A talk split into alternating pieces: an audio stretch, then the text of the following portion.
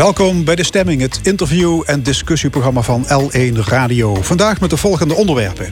Spelen politici in Den Haag te veel op de man en gaat het te weinig over de oorzaken van het falend beleid? Zorgen over toenemende repressie in Rusland. Straks Ruslandkenner Schenk Scheijen.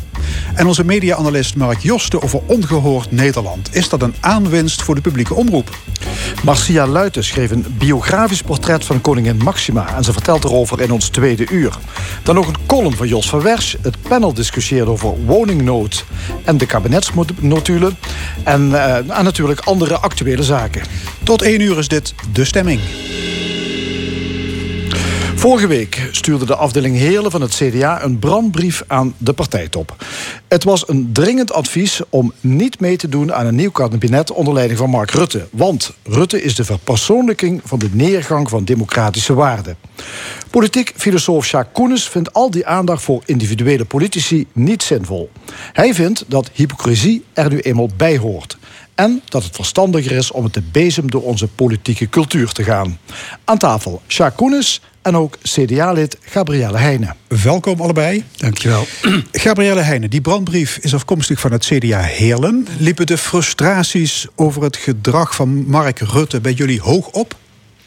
Ja, deels. En deels waren natuurlijk ook zorgen over de koers van onze eigen partij. Hè. We vinden dat het uh, te weinig over ons eigen verhaal gaat. Um, dus dat heeft ons ertoe komen om die brief te sturen.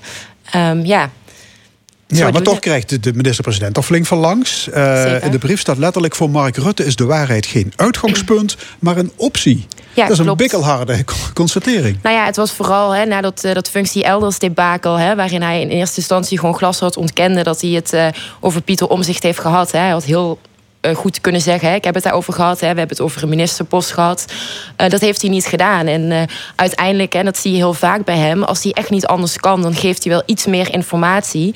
Um, maar niet in eerste instantie. Dus ja, dat vind ik wel een probleem. Ja, en toen was voor jullie de maat vol. En daarom zeggen jullie. We moeten niet in Rutte 4 gaan zitten. Ja. Die brief ja, kreeg een heleboel media-aandacht. Had je dat verwacht? Um, nou ja, niet in, in, in zo'n grote zin. Uh, maar van de andere kant ben ik wel blij, uh, omdat ik wel denk dat het de brief wel uh, extra krachtig maakt. Ja, gisteren nog twee pagina's in NRC Handelsblad over ja, jou klopt. en je moeder. Ja. Ja, ruim 20 afdelingen in het land hebben zich achter die brief geschaard. Mm. Uh, er zijn in totaal 400 afdelingen. Dus de vraag is of jullie uh, het standpunt van de meerderheid vertolken. Nou ja, ik heb natuurlijk wel met meerdere afdelingen contact gehad. Hè, en ik hoor ook van veel mensen die zeggen... ik ben het wel eens met de strekking van de brief. Alleen die vragen zich dan af... Hè, is, was dit het goede moment of is een brief wel het juiste middel? Uh, ik heb natuurlijk niet al die 400 afdelingen benaderd. Nee. En je moet ook bedenken... het is natuurlijk ook al iets om je uit te spreken. Hè. Dat is toch een hele stap. Dus in die zin uh, ja, vind ik 20 afdelingen veel. Ja, en waren jullie zelf dapper? Ja, nou ja... is niet iets wat ik snel dan over onszelf zou zeggen, maar als je het zo wil noemen, ja. Ja, niet meedoen aan een kabinet onder leiding van Mark Rutte is kiezen voor de oppositie.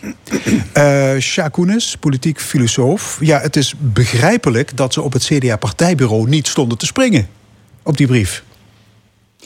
Ja, kijk, begrijpelijk uh, of iets begrijpen en begrip hebben is natuurlijk wel iets verschillends. Hè? En ik ga er niet, ik ga niet over of uh, in het CDA of, of de leiding van het CDA uh, terecht zo gereageerd heeft. Ik constateer alleen dat in, binnen het CDA het al veel langer, in ieder geval in de top, hè, en ook met het kiezen van de lijsttrekker en de debatten, ook zelfs in de Kamer, hè, dat het heel moeizaam gaat en dat, er een, dat ze daar een probleem hebben.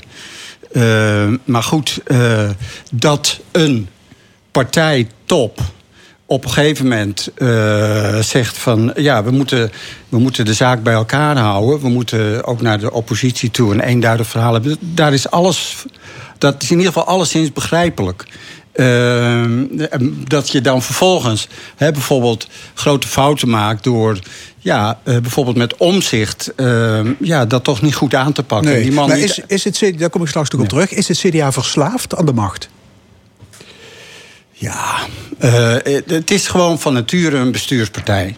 Dat hebben ze altijd ja, gehad. Maar daarom te weinig uh, een volkspartij. Dat staat in die brief. Nee, we dus zijn in contact met het gewone volk ja, verloren, ja, met de gewone burgers. Dat is, we zijn veel te technocratisch. Ja, nee, maar dat, dat, dat verwijt kan ik me heel goed voorstellen.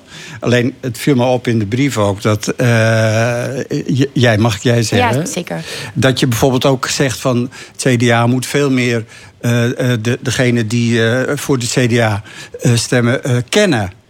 En ik denk dat dat misschien ook juist een deel van het probleem hier in Limburg is geweest. Dat die lijntjes juist veel te kort zijn. dus ik, ik, ik snap wel de frustratie. Uh, en ja, ik kan dat niet beoordelen. Maar ik, ik neem ook aan dat allerlei signalen van onder in het CDA onvoldoende naar voren komen. bijvoorbeeld ook dat op zich heel mooi rapport zij tegen zij. Of zij aan zij rapport. Zij aan zij. Ja. Dat heeft ja, volgens mij nauwelijks een rol gespeeld. In ieder geval in de top. Dus dat zijn gewoon bedenkelijke zaken, zonder meer. Gabrielle, uh, afgelopen maandag kwam CDA-voorzitter uh, Marnix van Rij op bezoek. Waar vond dat onderhoud plaats en wie waren daarbij? Uh, dat heeft in Heerlen plaatsgevonden op het, op het stadskantoor... in, het, uh, in de kamer van de wethouder Charles Klaassen. Onze afdelingsvoorzitter was daarbij, Maurice Hermans. Marco Peters, de fractievoorzitter...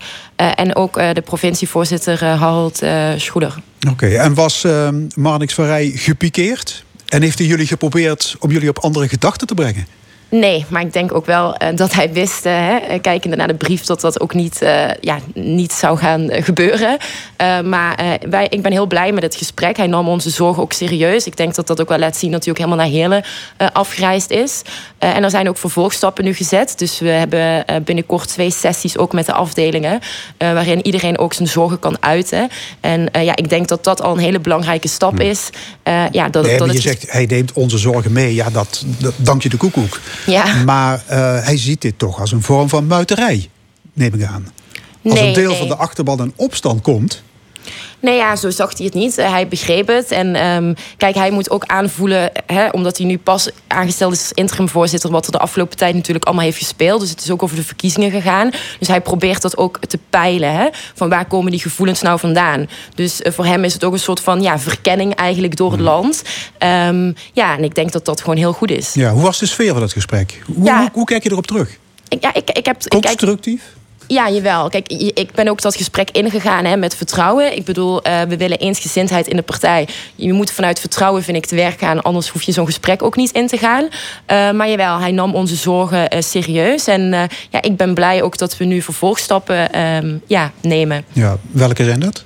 We hebben 12 en 20 mei hebben we dus avonden dan met, de 10, met die 20 afdelingen. Het wordt dan opgesplitst in, in de 2 keer 10. Ehm, ja, en ik denk ook wel dat daar ja, het een en ander naar boven gaat komen. Jullie zijn gekant tegen het machtsdenken van het CDA. Ja. Eh, dan hadden jullie die brief ook naar het CDA Limburg kunnen sturen. Want eh, ja, daar kunnen ze ook wat, wat reflectie gebruiken, zou ik maar zeggen. Ja, daar heb je zeker een, eh, een punt. Alleen, ik denk, hè, CDA Limburg, dat traject, dat zien we toch eigenlijk daar, daarnaast staan. Dus daar gaat zeker ook nog wel het een en ander ehm, ja, overkomen. En daar hebben we uiteraard ook een mening over. Maar op dit moment zeggen we dat wel even los zeg maar, van de landelijke tendens. Koenis, niet alleen Rutte, maar ook andere bewindspersonen krijgen eh, deze dagen de volle laag. Eh, in een opiniestuk in de Volkskrant spreek je zelfs van een heksenjacht. Vind je die persoonlijke aanvallen niet op zijn plaats? Uh, nee, ik vind. ehm, ehm, eh, ik vind. Er is binnen de politiek is er altijd, nou ja, dat zeg ik ook, er is een zekere mate van hypoc- hypocrisie in de zin dat, eh, gegeven de rol die bijvoorbeeld de regeringspartij heeft, eh Rutte in dit geval, eh, kan, ik, kan ik me voorstellen dat je op een creatieve manier met bijvoorbeeld informatievoorziening en zo omgaat. Het is iets anders als je dus ronduit zit te liegen. Nou, er zijn heel veel mensen die ervan overtuigd zijn dat hij dat gedaan heeft. Ik denk, ik ben daar nog steeds niet van overtuigd. Ehm, eh, dus, eh, en en het, het vervelende is dat door die, die, die totale aandacht voor de vraag of die nou wel of niet heeft zitten liegen. En vervolgens daarna ook of de hele coalitie heeft zitten liegen. Want dat was natuurlijk de vervolgstap. eh, heeft het heel lang geduurd voordat we eigenlijk weer terugkwamen op ja, het probleem waar het om gaat. Namelijk, hoe kunnen we die politieke cultuur verbeteren? Dus het is te veel pootje lichten. Het is te veel Jij hebt pootje het over een storm van verontwaardiging over onwaarachtige politici. Ja. En dat schreef je nog voor de openbaarmaking van de notulen. Ja. Begint het op een obsessie te lijken? Nou, dat, dat die indruk had ik wel. Eh, eh, eh, het ging gewoon, wat mij betreft, veel te ver. Eh, en waarom was ik boos over in ieder geval de, de hypocrisie van in ieder geval sommige oppositieleden, is dat ze bepaalde verwijten naar de andere partij deden, waar ze zelf niet aan konden voldoen. Bijvoorbeeld iets als openheid of waarachtigheid of transparantie. Eh, dat, dat vind je binnen de SP ook niet. Dat vind je eh, binnen, zeker een partij als Wilders, eh, vind je ook niet. Dus dan vind ik het een godsbe dat, ja, als het ware, in het kielzog van iemand als Wilders zo'n motie van wantrouwen wordt geaccepteerd. Dus je zegt een nieuwe bestuurscultuur begint bij een nieuwe partijcultuur.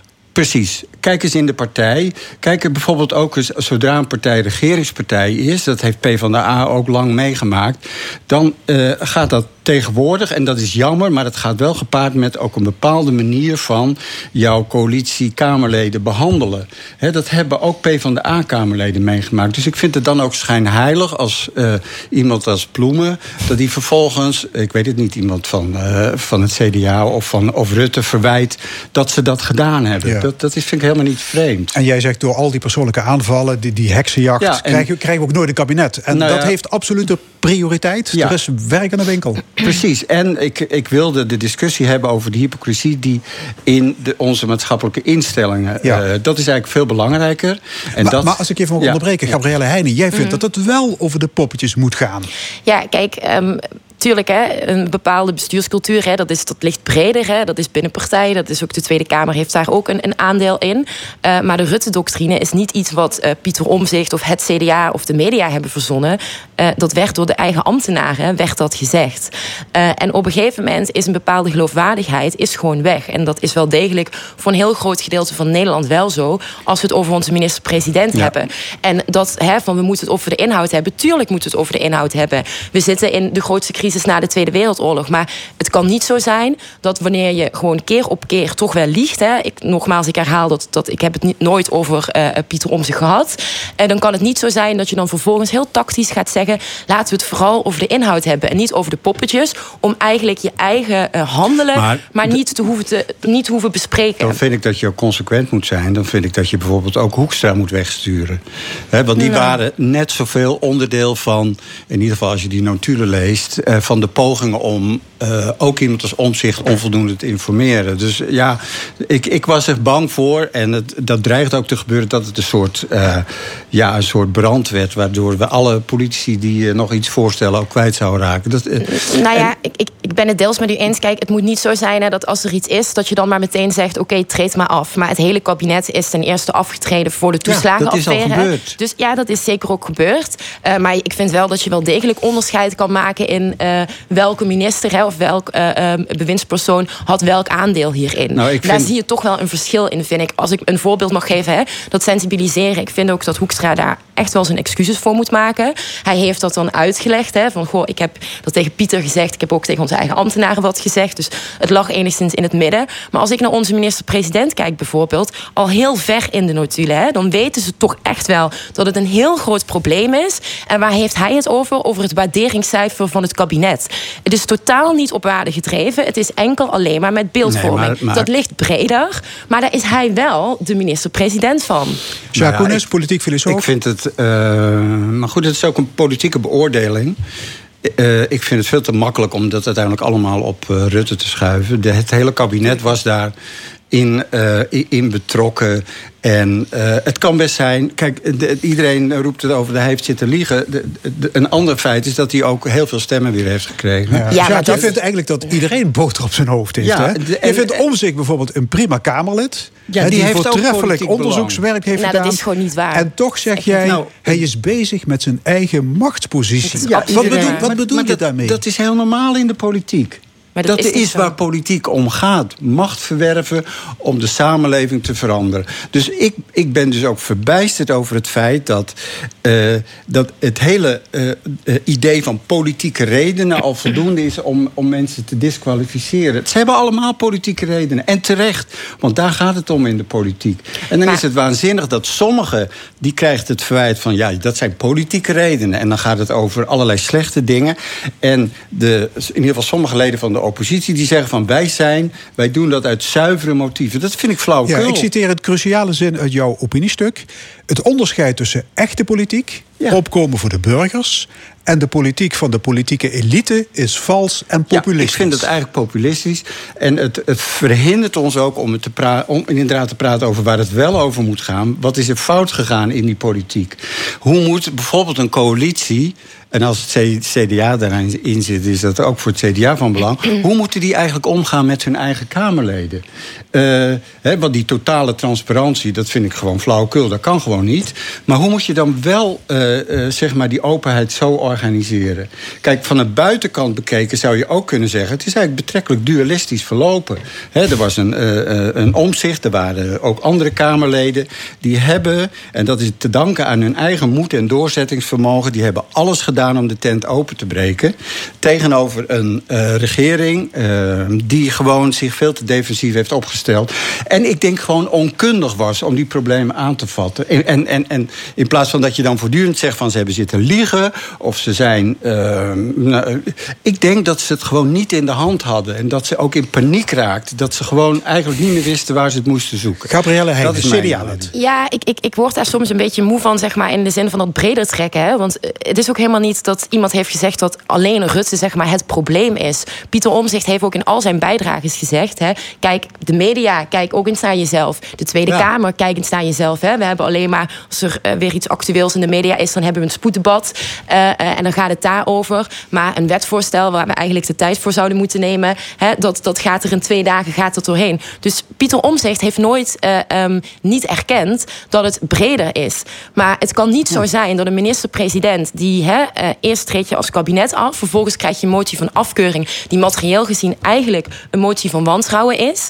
Um, dat je op een gegeven moment niet uh, de consequenties of, uh, nou aanneemt. en het dan alleen een, maar breder trekt. De meerderheid van de Kamer nu uh, niet achter die motie van wantrouwen staat. Ja. Jacques, en jij constateert sowieso een hoop hypocrisie onder de, ja. onder de Haagse kaastolp. Jij komt met een paar tegenplannen, hè? een soort remedie om het, om het op te lossen. Eén, meer tegenmacht. Ja. B, burgers niet beschouwen als profiteurs. Drie, een andere kijk op de politiek.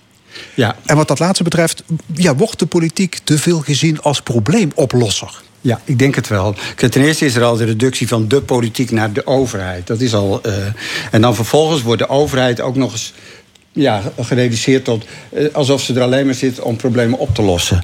Het, het, mijn punt is, de politiek is iets veel breders. Het belangrijkste is dat er een soort diversiteit moet zijn... dat allerlei verschillende en ook botsende en uh, uiteenlopende opvattingen... die moeten gepresenteerd kunnen worden. Die moeten duidelijk kunnen worden gemaakt. En de volgende stap is, kunnen we binnen die gezamenlijke... binnen kunnen we dan een groep van partijen vinden... die in ieder geval het eens is over de definitie van de problemen die we hebben. Want daar zijn we het ook niet over eens. Het onvermijdelijke tekort van de politiek. Ja, nou ja ik, ik ben het daar aan zich wel overal mee eens. Hè. En, en nogmaals, ook eh, soms die verontwaardiging als er iets in de krant staat, hè, dan is iedereen een rep en roer. En na een dag gaat het weer over iets anders. Maar ik vind dat kun je niet koppelen aan de toeslagenaffaire. Ik vind het niet raar eh, dat je als burger, eh, hè, wanneer je vanwege een kleine formele fout jarenlang gedupeerd eh, bent, eh, en je gaat naar de rechter toe en de rechter heeft niet, krijgt niet eens de juiste informatie, dus je kan bij voorbaat al niet, uh, niet je recht halen, dan zou ik daar niet van zeggen, we verwachten te veel uh, van nee, de overheid. Dus dat vind ik een hele. Nee, maar... ik, ik snap de waan van de dag, maar de toeslagenaffaire kunnen nee, we echt daar, niet de waan uh, van de dag noemen.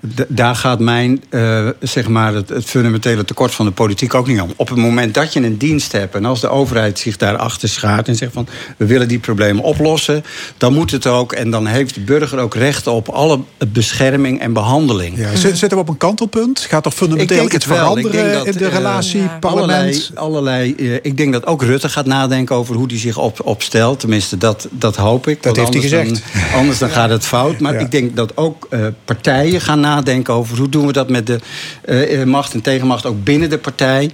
Uh, en ook de uitvoering. Want ik denk dat de grootste problemen juist daar lagen. Bij de uitvoering, bij de, bij de Belastingdienst. Nou ja, dat is ook zo. Kijk, wat ook heel shocking is in die notulen... is dat zij ook al eh, vrij vroeg zeggen... Hè, ze weten dus dat in meerdere uitvoeringsinstanties... vergelijkbare problemen zitten. Dus dat weet men. Maar als je vervolgens alleen maar bezig daarna bent... Hè, niet waardegedreven, maar over beeldvorming... ja, dan vraag ik me echt wel af... of het lampje daadwerkelijk uh, is gaan branden. Oké, hartelijk dank voor dit gesprek. CDA-lid Gabrielle Heijnen en politiek filosoof Sjaak Dankjewel.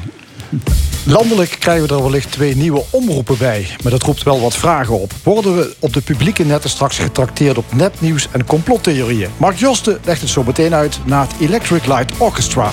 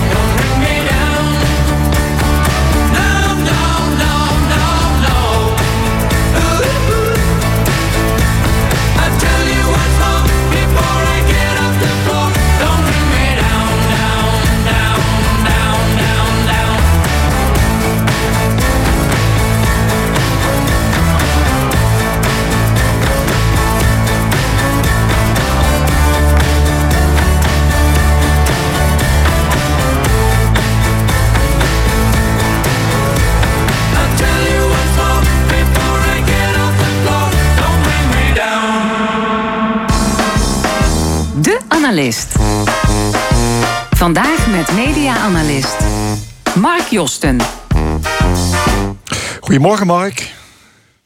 Hey, goedemorgen daar. Ja, ja. Uh, daar zeg je, ja, je zit op afstand van ons, maar het kan de pret niet drukken. Uh, landelijke publieke omroepen die moeten regelmatig nagelbijten, want de Raad van Cultuur die adviseert de minister uh, welke omroepen toegelaten moeten worden tot het publieke bestel en welke niet. En ja. deze week kwam het actuele advies. Uh, wat is de uitslag eigenlijk, Mark? Nou, dat alle omroepen die een aanvraag hebben ingediend, een erkenningsaanvraag, ze zijn allemaal toegelaten. Dus dan gaat het over de zes oude omroepen. Dat uh, Avro, Tros, BNM, VARA, KRO, NCRV, VPRO, EO, Max. De drie aspirantomroepen van nu. Dat is uh, Poont, WNL en Human. En ook, en dat is natuurlijk opvallend nu, en dat is het nieuwsmakende... de twee nieuwkomers, die zijn ook toegelaten. Zwart en Ongehoord Nederland. Ja, dus de Raad van Cultuur heeft een reden om die twee nieuwe omroepen toe te laten. Zwart en Ongehoord Nederland. Uh, waarom? Wat, wat kunnen die toevoegen? Uh, uh, ja, dat, dat, dat, dat was in één geval was dat, um, was dat heel moeizaam geformuleerd. Laat ik beginnen met. Die raad was behoorlijk positief over zwart. Daar um, Zwarter werd over gezegd, ook letterlijk de eerste zin. Ze waren verheugd over de toetreding van Zwart. En het was eigenlijk met, en dan spreek ik eigen, voor eigen parochie, met Human, waarbij werd gezegd, daar waren ze onverdeeld positief over. Dat waren de, de twee enigen waar ze meteen met een open doekje voor kwamen. Maar bij, bij Zwart werd dan ook uh, gezegd van ja, weet je, die, uh, die gaan een heel nieuw netwerk aanboren. We zijn als publieke omroep zo ontzettend zwak in diversiteit, in het uh, aanboren van uh, nou ja, Nederlanders met een andere achtergrond. Daar gaat Zwart wat aan toevoegen. Ja. Nou, die, waar, waar dus die, die lof uh, die loftrompet werd gestoken op zwart. Zo kritisch uh, uh, was, was die raad over het toelaten van ongehoord. Maar het werd wel toegelaten. Ja, ja want, want is, is misschien even uitleggen... Want wat wil ongehoord Nederland laten zien en horen... aan de kijkers en luisteraars? Wat voor soort programma's?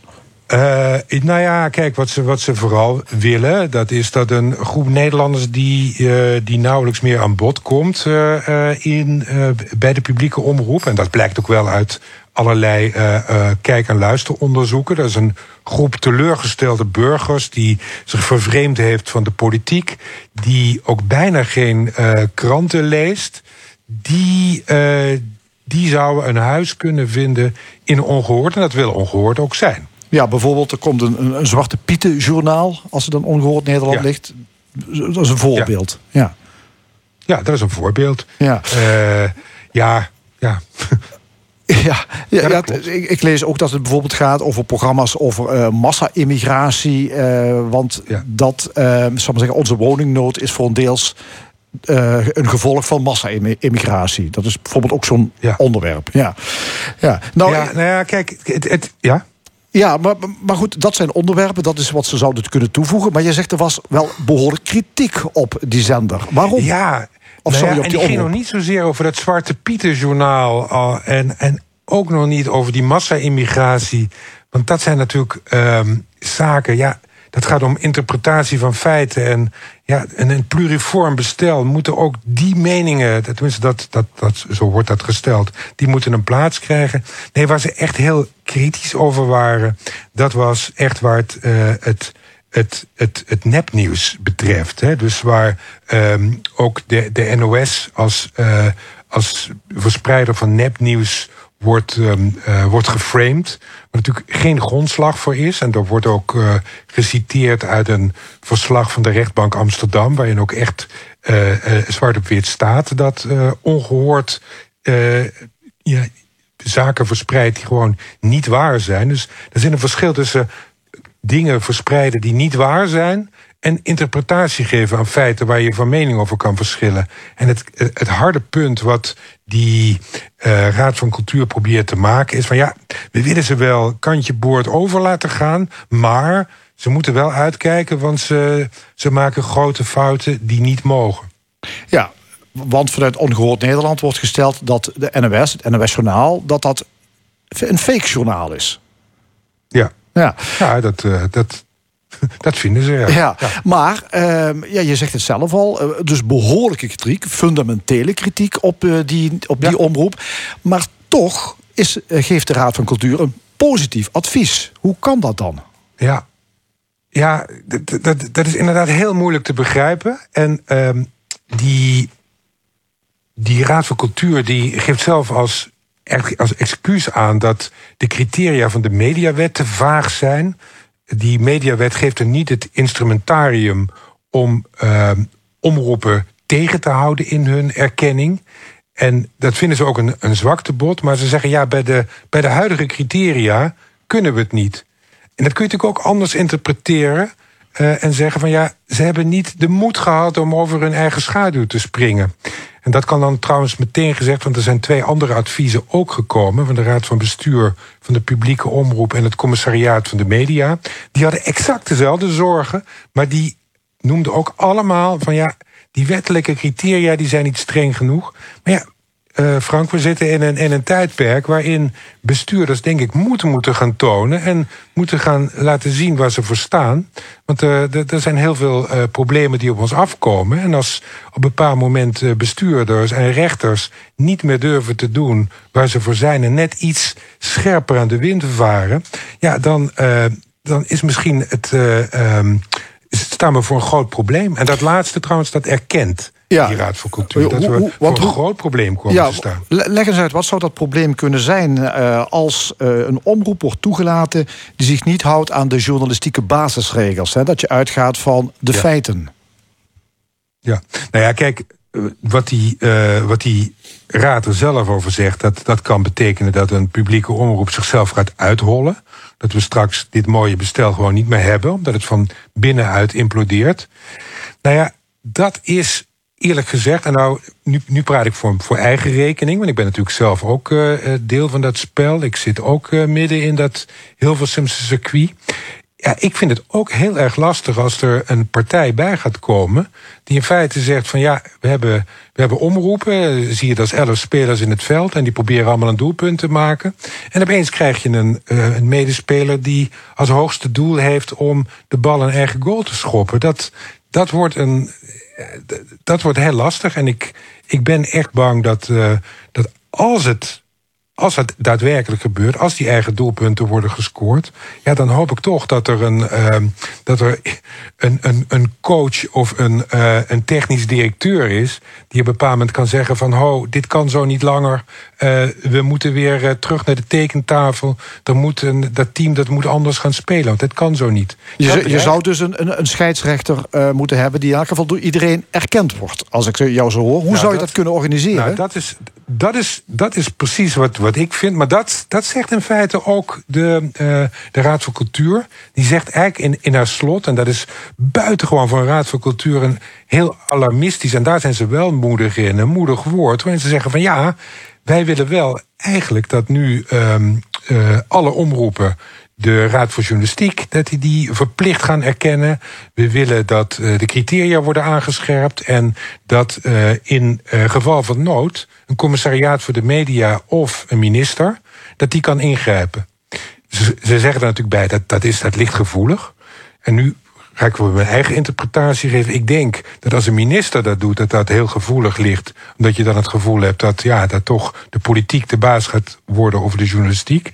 Maar een commissariaat van de media, die zou natuurlijk bij flagrante schendingen, als er echt iets heel ernstigs aan de hand is, die zouden moeten kunnen ingrijpen. Dus ik vond dat eigenlijk wel een hele goede suggestie. Ja, waarom denk jij dat het uh, publieke omroepbestel zou kunnen imploderen, zoals jij zegt, als je dus een, een omroep als Ongehoord Nederland toelaat, die zich niet aan de, de journalistieke spelregels houdt?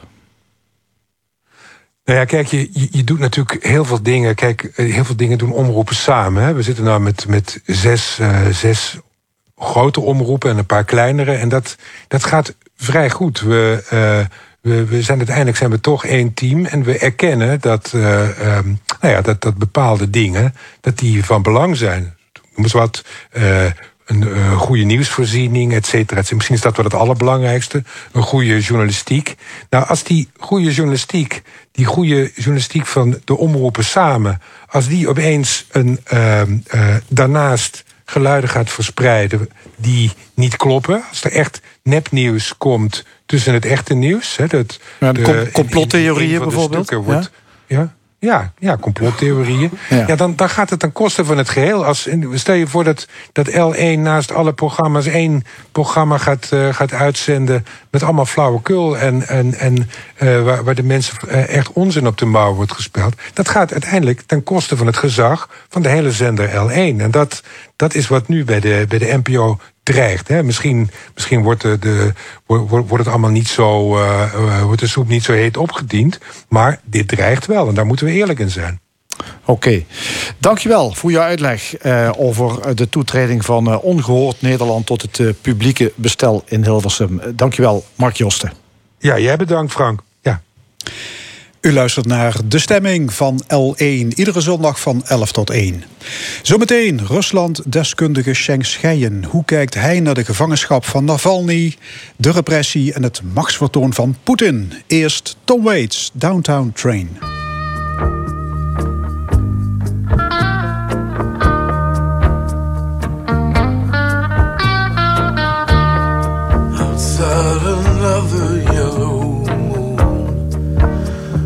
Punched a in the nighttime, yes. I climb to the window and down to the street. I'm shining like a new dime. The downtown trends are full for all those Brooklyn girls. They try so hard to break out of their little worlds. Now you wave your hand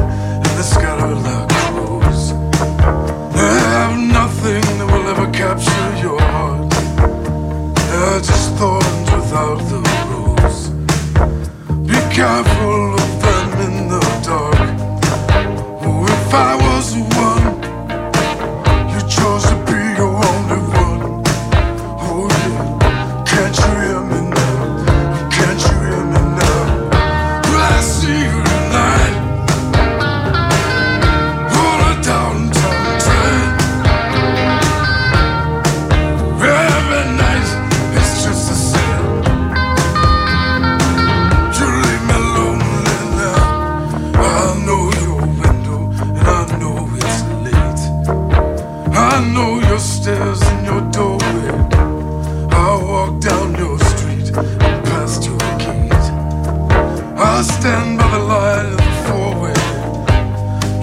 You watch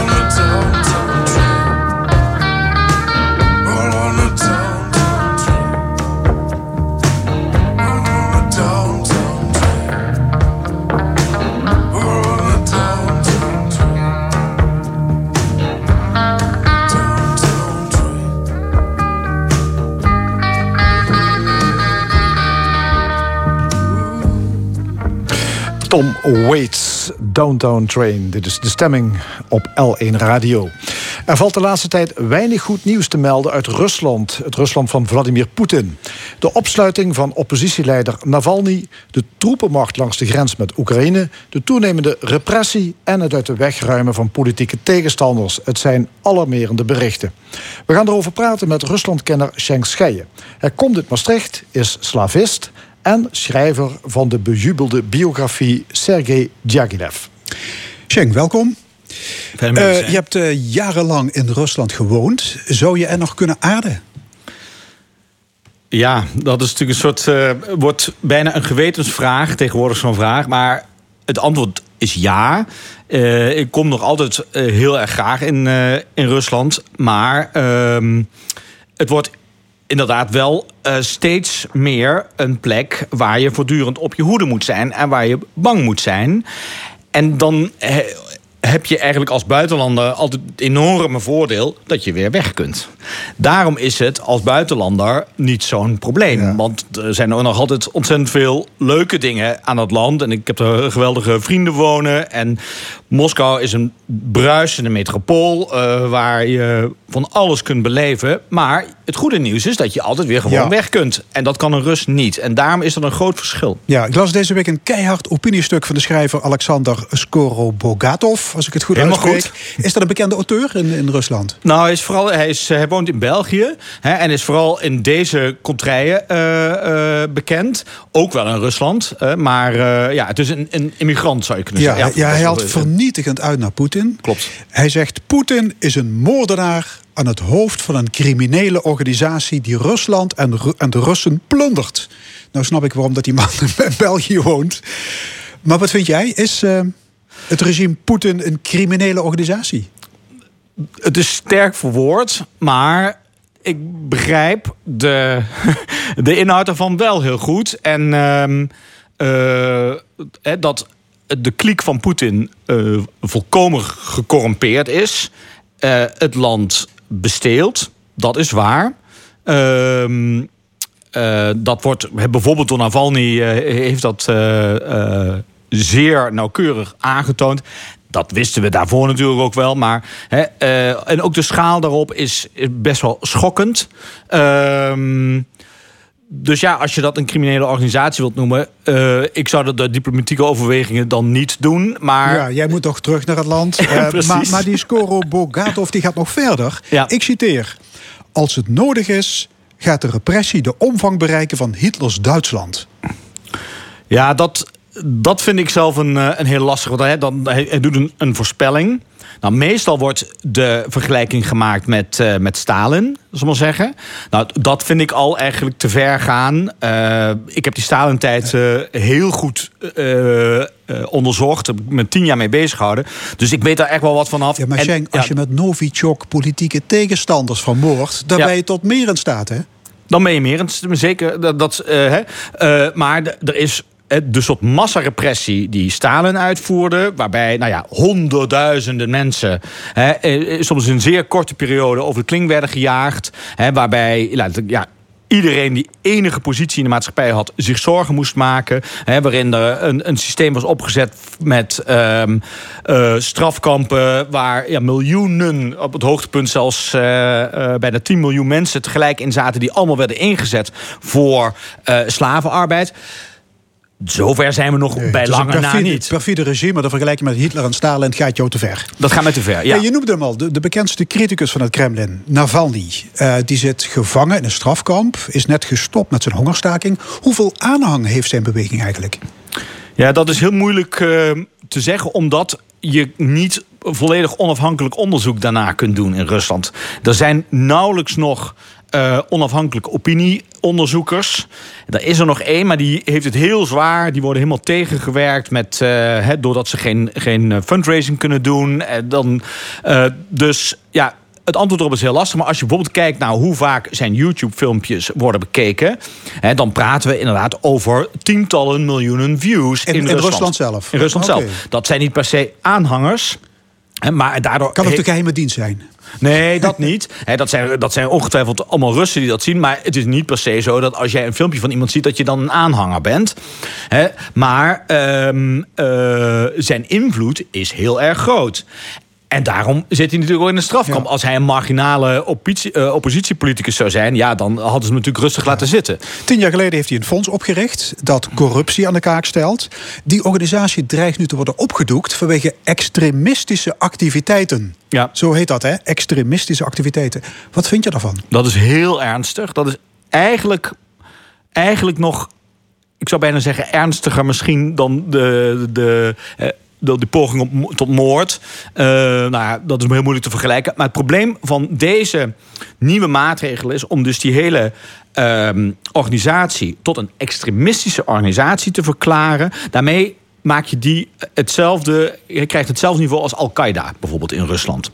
Nou, dat betekent hetzelfde ongeveer als in het Westen. Op het moment dat je Al-Qaeda zegt, is alles geoorloofd. Dan eh, hebben mensen eigenlijk geen rechten meer. Dan eh, mag je alles in de hele lijn gaan aanpakken. Tot en met financiers. Mensen die er misschien een keer naar gekeken hebben. Hè?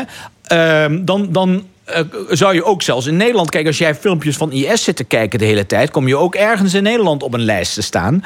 En dat is in Rusland nog allemaal nog erger. Dus als die organisatie niet alleen maar politiek onwelgevallig is, wat natuurlijk dat eigenlijk al een lange tijd zo is, of wordt tegengewerkt via de fiscus. Dat waren allemaal de bekende trucs die ze eerder doen. Maar ze gaan er nu eigenlijk een terroristische organisatie van maken. Want, Ja, want de rest gaat ondergronds, wat er nog overblijft.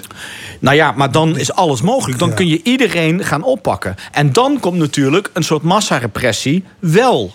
Ehm, dat, dat wordt wel een mogelijkheid. Dus en tot nu toe waren er eigenlijk waren daar niet juridische mogelijkheden voor. En het gekke van het Poetin-regime is dat hoe corrupt ze zich eh, ook zijn, zich toch min of meer proberen te houden aan de door hen zelf opgestelde, eh, vergaande en ook wel heel vage regels. Maar ze proberen zich eraan te houden. En daarom moet dus ook nu die organisatie tot een extremistische organisatie worden eh, benoemd. Want dan kunnen ze losgaan. En dat vind ik.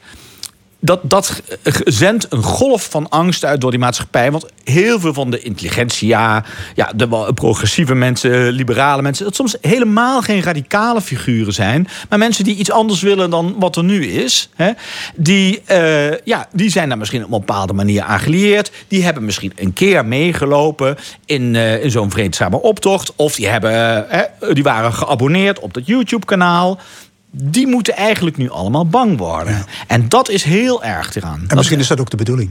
Dat is de bedoeling, natuurlijk. Ja, zeker. Schenk, dan is er nog de troepenopbouw aan de oostgrens van Oekraïne. Hè, Daar waren op een gegeven moment 100.000 soldaten eh, gestationeerd. Ja. De regering in Kiev liep het dun door de broek. Nou, dat denk ik wel. Ze, ehm, het, ze stellen zich. Eh, hoe zou ik het zeggen? Nou, zelfverzekerd op. Maar ehm, ik geloof niet dat eh, Oekraïne een, een oorlog met Rusland om dat grensgebied had kunnen winnen. Of zelfs maar ja, eh, ehm, een kleine overwinning had kunnen boeken. Denk je dat. Poetin het te doen was om een oorlog? Of is dit spierballenvertoon, bluffpoker of andere oorzaken? Achteraf lijkt het dat, hè, lijkt het vooral provocatie te zijn geweest, spierballenvertoon. Ehm, wij laten ons niet provoceren. Ehm, maar ik, eh, op het moment dat je zo'n enorme troepenmacht ehm, daar concentreert. En dit was al maanden gaande. Want ik zag al hè, op Twitter zie je dan wat mensen die fotootjes doorsturen. Hè, dat over die beroemde brug bij de Krim. Ja, daar gingen al maandenlang grote Ja. troepenkolonnes en de Krim tanks. die hij zeven jaar geleden al heeft ingepikt. Precies. Dus ik snap Ja. waarom Oekraïne graag lid wil worden van de NAVO. Ja, dat begrijp ik ook. Ja, eh, ik, dat lijkt me heel lastig, maar ehm, eh, ik begrijp het wel natuurlijk. Ja, je hebt eh, ja, jarenlang in Rusland gewoond. Heb je nog contacten met mensen daar? zeker. Ja, heel veel. Ik heb daar Russische vrienden wonen. eh, een aantal van de Nederlanders die daar Ja. wonen ken en ik die heel goed. klagen ook over repressie en, en Ja, kijk, voor de Russen is het zo dat zij proberen eigenlijk in een soort in hun kokon terug te trekken. Je ziet eigenlijk een soort reactie die mensen ook in de Sovjet-Unie hadden, namelijk dat ze daar is een term voor, in innerlijke emigratie gaan. Nou, dat is een fantastische poëtische term bijna. Innerlijke emigratie, dus dat ze zich ja, eigenlijk afkeren van de politiek, omdat daar toch niks aan te doen is. Omdat dat dus enorme risico's met zich meebrengt. En ja, eh, ze keren zich naar binnen. Het is ook funest voor de democratie, zoiets. Innerlijke... Tuurlijk, tuurlijk. Ja, god, er is natuurlijk echt geen van democratie. Helemaal geen sprake meer. Nou, nauwelijks. Ja. Het ja, was een interview met, met een andere schrijver, Maxim Ozipov, bekend van die bundel De wereld is niet stuk te krijgen, staat in de top 10. Hij zegt: elke dag worden er nieuwe repressieve wetten aangenomen. Als ik in de klas een verhaal wil voorlezen, heb ik een licentie nodig. Voordat je het weet, word je gebrandmerkt als een buitenlandse agent. Dat begint sterk op een paranoïde samenleving te lijken. Ja, dat is, dat is inderdaad zo. Hè? Dus. Uh, ik herhaal wel dat die soort uh, massarepressie à la Stalin dat dat uh, niet aan de orde is. Maar uh, je zou bijna kunnen zeggen dat de repressie nu intelligentere vormen aanneemt. Hè? Dus veel meer gericht is op het buitensluiten van iedereen die enigszins kritisch zou kunnen zijn via het verstrekken van allerlei labels. Bijvoorbeeld het label van buiten, buitenlands agent. Dat kan je zomaar overkomen, inderdaad. En dan kun je nergens meer een baan krijgen. En dan word je gemarginaliseerd. Dat zijn meer de technieken die lijken op de tijd onder Brezhnev. Overigens, dat is eigenlijk een iets betere vergelijking dan, dan Stalin. toen waren er natuurlijk wel politieke gevangenen. Nou, dat is nu ook weer zo. Acht jaar geleden was dat nog niet zo. Er waren misschien uh, een, ja, uh, vijf politieke gevangenen. Hè, en dat was dan een beetje dubbelzinnig of dat echt zo was. Maar nu begint dat natuurlijk wel echt vorm te krijgen. Hè, onder Brezhnev had je dat systeem dat mensen die al te veel kritiek leverden... werden opgesloten in een psychiatrische inrichting. Die werden gek verklaard. Hè. Um, en daar ging natuurlijk ook een enorme repressie van uit. Het lijkt meer op zo'n soort systeem, maar dat is erg genoeg. Hè?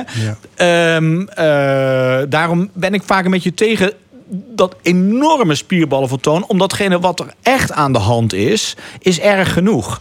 En uh, het is niet zo dat als je zegt, nou, het begint op het regime van Brezhnev te lijken, zeg je, nou, dan, dan, dan valt het dat valt wel mee. Nee, dat valt niet ja. mee. Uh, maar het is inderdaad, we praten niet over miljoenen doden. Nee. nee. geen intelligente lockdown, maar een intelligente repressie. Ja. Hey, ik begon met die andere schrijver, Bogatov. Hij ja. roept op tot een boycott, tot isolatie, tot de zwaarst mogelijke sancties. Vind jij dat Amerika en de Europese Unie uh, ja, alles laten gebeuren en geen poot uitsteken? Nou, dat, dat vind ik eerlijk gezegd niet. Ik ben uh, nogal sceptisch over die mogelijkheid van het Westen om hier daadwerkelijk iets aan te doen. En uh, je ziet het ja, bij, bij uh, veel van wat ik maar de haviken noem, ook trouwens overigens veel Russen die in emigratie hier wonen, dat begrijp ik heel goed, want die zijn vaak moesten ze weg, hè, of ze zijn weggepest.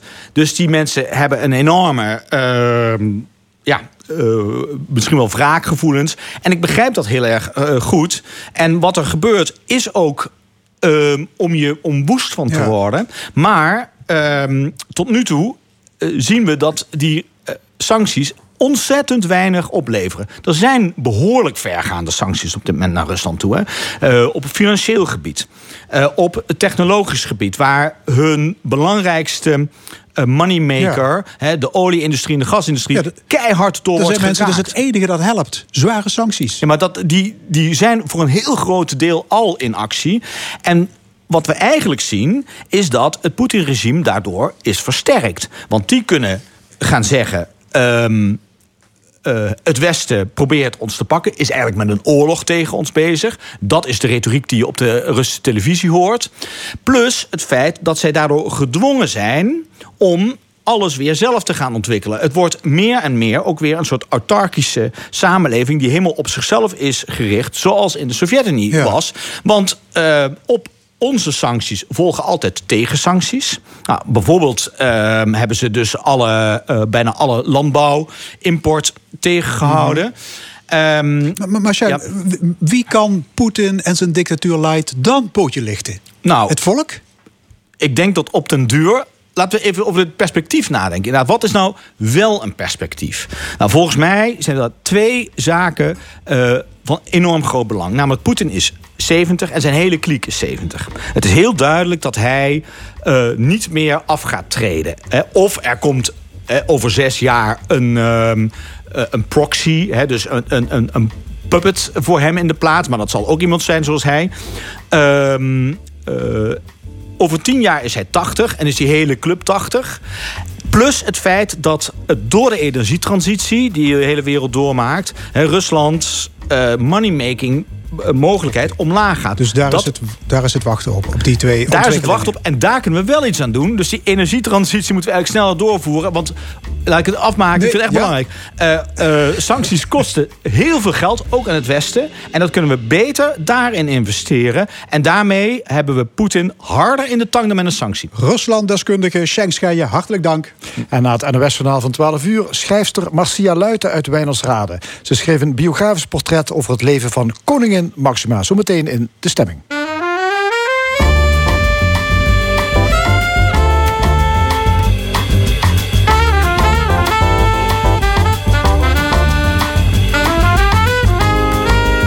De stemming met Frank Ruber en Fons Geraerts.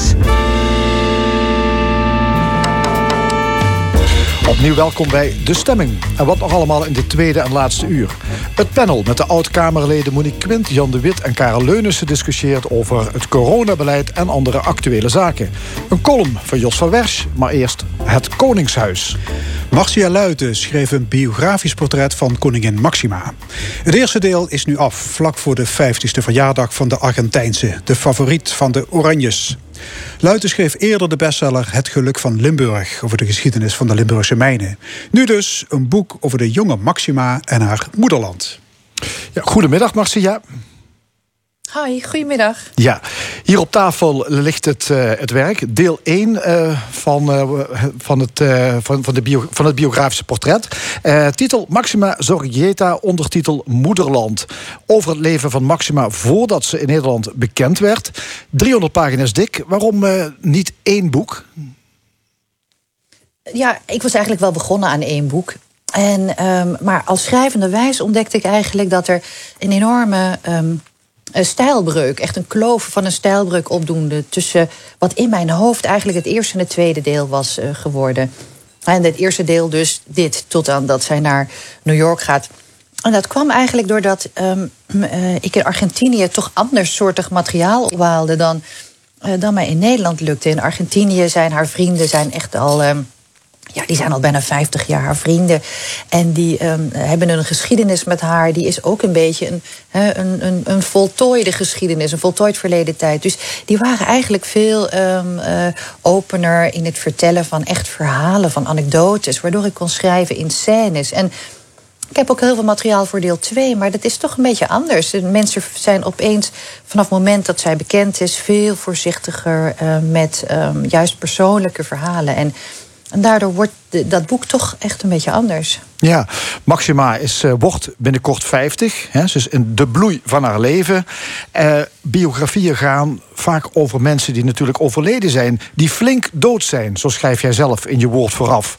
Uh, ja. ja. dat is in dit geval niet zo. belemmerde jou dat in het schrijven van een... Ja, je noemt het ook geen biografie eigenlijk. Nee, nee, daarom ben ik uiteindelijk uh, zeg maar een stap op de tree naar beneden gegaan, uh, voor mijn gevoel. En dacht ik, een echte biografie kan ik gewoon niet waarmaken. Daarvoor moet je de binnenwereld van je hoofdpersoon moet je kunnen leren kennen.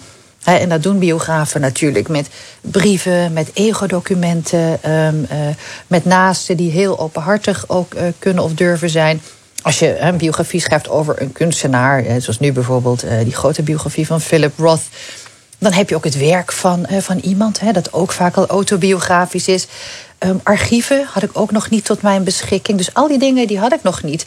Waardoor ik afhankelijk ben van uh, wat er verschenen is. En heel bijzonder en uniek um, uh, gesprekken met mensen om, om Koningin Maxima heen. Want die kan ik wel voeren. En, um, maar dus die binnenwereld van die hoofdpersoon, ja, die blijft toch een beetje een enigma. En, en daardoor dacht ik, laat ik het dan niet helemaal echt biografie noemen. Ja, want je hebt koningin Maxima zelf ook niet gesproken. Um, je hebt wel uh, contact gehad uh, met, uh, het, met, het, met het Hof, begrijp ik. Hè?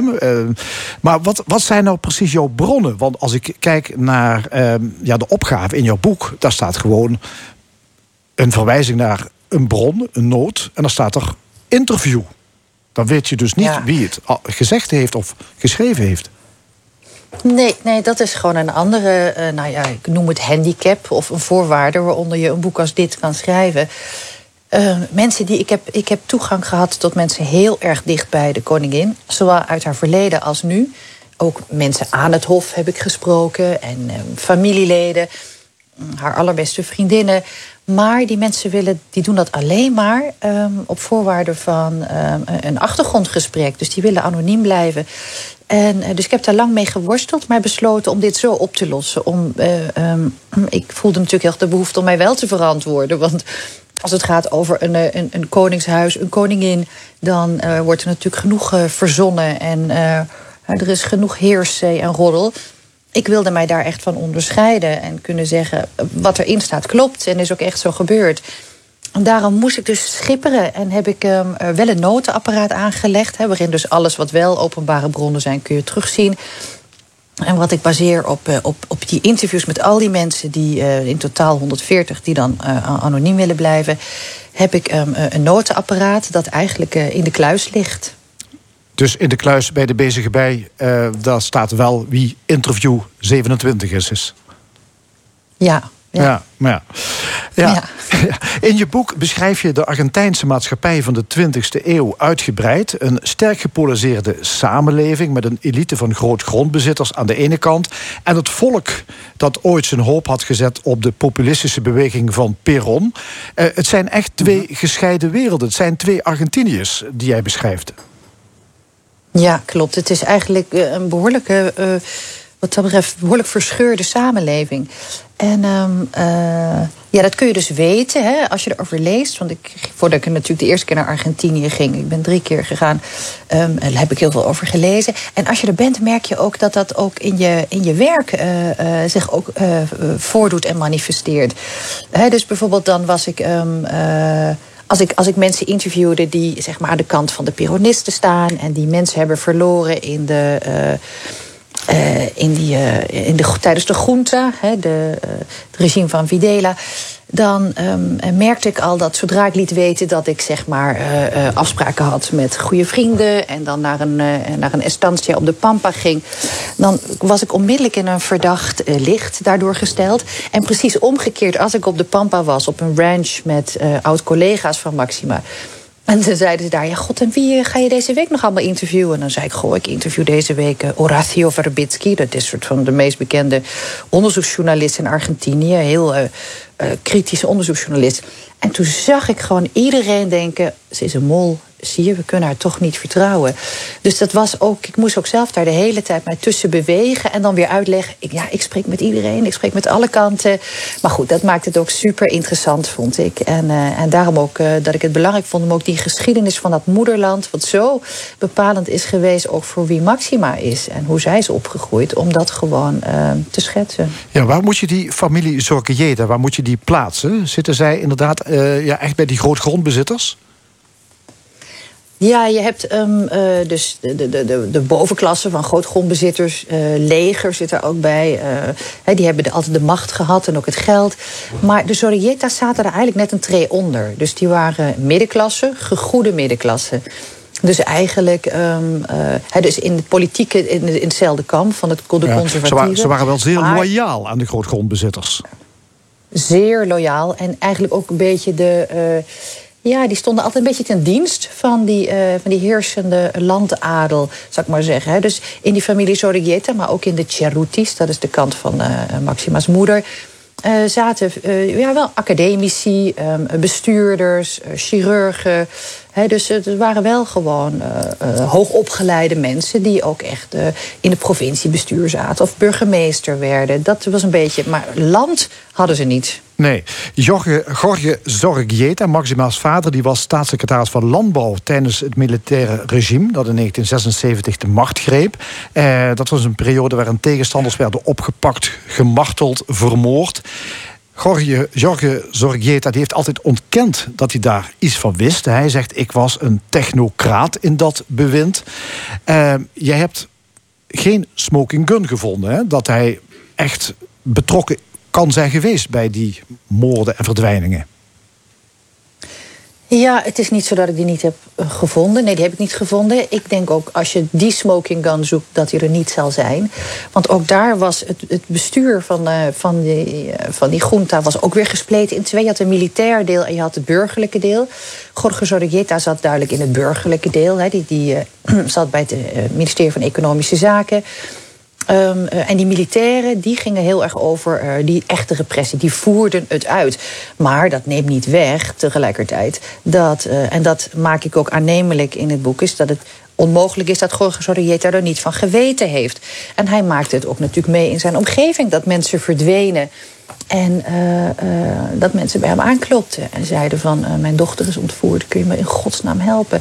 en tegelijkertijd werden uit hun omgeving ook mensen opgeblazen en ontvoerd. Hè. Dus het was een tijd van, waarin Argentinië echt tegen een burgeroorlog aan zat... en er van alle kanten geweld tegen iedereen was. Maar hij moet hiervan geweten hebben, dat kan niet anders. Ja, Maxima groeide op in een rijke buurt. Ze ging naar een dure privéschool. Voor de deur stonden ook lijfwachten... Um, ja, de vraag is natuurlijk, wanneer is zij te weten gekomen... wat er tijdens dat militaire regime allemaal gebeurd is? Ja, ja dat vind ik een hele belangrijke vraag. En um, eh, kijk, het is, het is, geen vraag die je direct kan stellen en een antwoord op krijgt. Hè, want vrienden kunnen dat antwoord niet direct geven... en Maxima zelf heb ik niet gesproken. Maar je kan dat wel redelijk reconstrueren. En er zijn een paar dingen zijn duidelijk. Eén is, is nadat die junta voorbij was in 1984 kwam er een rapport uit Nunca Mas, heette dat nooit meer, waarin dat bom vol stond met alle getuigen. Allemaal getuigenissen van mensen die waren uh, ontvoerd... of mensen die het wel hadden overleefd over de martelingen. En dat kwam natuurlijk groot ook in het nieuws. Dus dat, dat kwam, iedereen kreeg dat, wel, kreeg dat mee. Tegelijkertijd groeide zij op in een omgeving die eigenlijk heel erg afgesloten was. Um, uh, allemaal gelijkgestemden. Allemaal mensen die ten tijde van de groente aan dezelfde kant hadden gestaan. En die om die geschiedenis heen liepen als een heel groot, lelijk, bloederig ongeluk... waar je liever niet naar omkijkt. En waarvan ze ook zeiden, uh, wij waren gedwongen tot het verdedigen van het vaderland... tegen communistische terroristen... En uh, dus het was een daad van vaderlandsliefde, van uh, noodzakelijke patriotisme, dat we dit hebben gedaan. Dus um, de jaar kwam van alles naar buiten in 84. Tegelijkertijd werd er in haar omgeving nooit over gesproken. En ja, dat, dat, ik denk dat ze voor een deel het, het, het volledige beeld misschien pas kreeg toen ze in Nederland was. Ja, je, je bent er in geval niet tegengekomen dat ze hierover gediscussieerd heeft of gesprekken gevoerd heeft met vriendinnen in haar jeugd in Argentinië. Nee, ik heb dat denk ik aan iedereen die ik sprak ook wel gevraagd. Hè. Dat was altijd wel een deel van mijn gesprek. Van uh, uh, hoe ging dat? Jullie waren natuurlijk hartstikke jong ten tijde van die groente. Hè. Maximaal was vijf toen dat begon en twaalf toen dat afgelopen was. Op welk moment uh, namen jullie daar kennis van? Wat hoorde je dan? hoe, hoe spraken jullie erover met je ouders? Nou, ik weet dus dat daar nog onder vrienden en al zeker niet met ouders... daar werd gewoon niet over gesproken. En ook op die school werd daar ook niet over gediscussieerd. Het was dus echt, zoals ik al zei, een beetje een lelijk ongeluk... waarvan iedereen wist dat het er was, maar waar je toch ver omheen liep. Ja. Hoe is het met je Spaans trouwens? Nou, matig. Um, hoe, hoe gingen die interviews dan? Nou, kijk, um, uh, ik heb wel nog uh, Spaans lessen nog erbij genomen toen ik uh, weer naar Argentinië ging. Uh, maar weet je, om op het niveau te komen van dat je echt kan interviewen. Ik bedoel, ik heb heel veel Spaans les gehad toen ik diplomatenklasje deed. Maar A, dat was lang, lang geleden. En B, dat was nooit op het niveau dat je gewoon goed kan interviewen. En, um, maar in, in, Max, in Maxima's omgeving spreekt eigenlijk iedereen behoorlijk of heel goed Engels. He, dus dat, uh, in, die, in die bovenklasse is, uh, is dat het geval. En um, aan de andere kant, een meer peronistische kant... Um, spraken sommige mensen onvoldoende Engels... en nam ik een uh, vertaler mee. Ja. Dus ik heb dan altijd met een hele goede tolk gewerkt. Ja, je hebt, je hebt hier jaren werk van gemaakt. dit, dit boek gaat over de jonge jaren van Maxima. Inmiddels is ze natuurlijk ja, de, de vrouw van de Nederlandse koning. Hoe is het mogelijk dat iemand uit zo'n totaal andere Argentijnse samenleving... met waarschijnlijk toch zichtbaar plezier koningin in Nederland kan zijn. Ja, ik vond dat eigenlijk. Uh, eigenlijk was dat mijn meest belangrijke vraag. Dat ik gewoon wilde begrijpen, doorgronden en kunnen voelen. Hoe kan het nou dat iemand uit zo'n totaal andere cultuur, met zo'n totaal andere geschiedenis. hè, zoals je zegt, zo met zoveel plezier dat, dat kan doen. En met zoveel gemak lijkt het.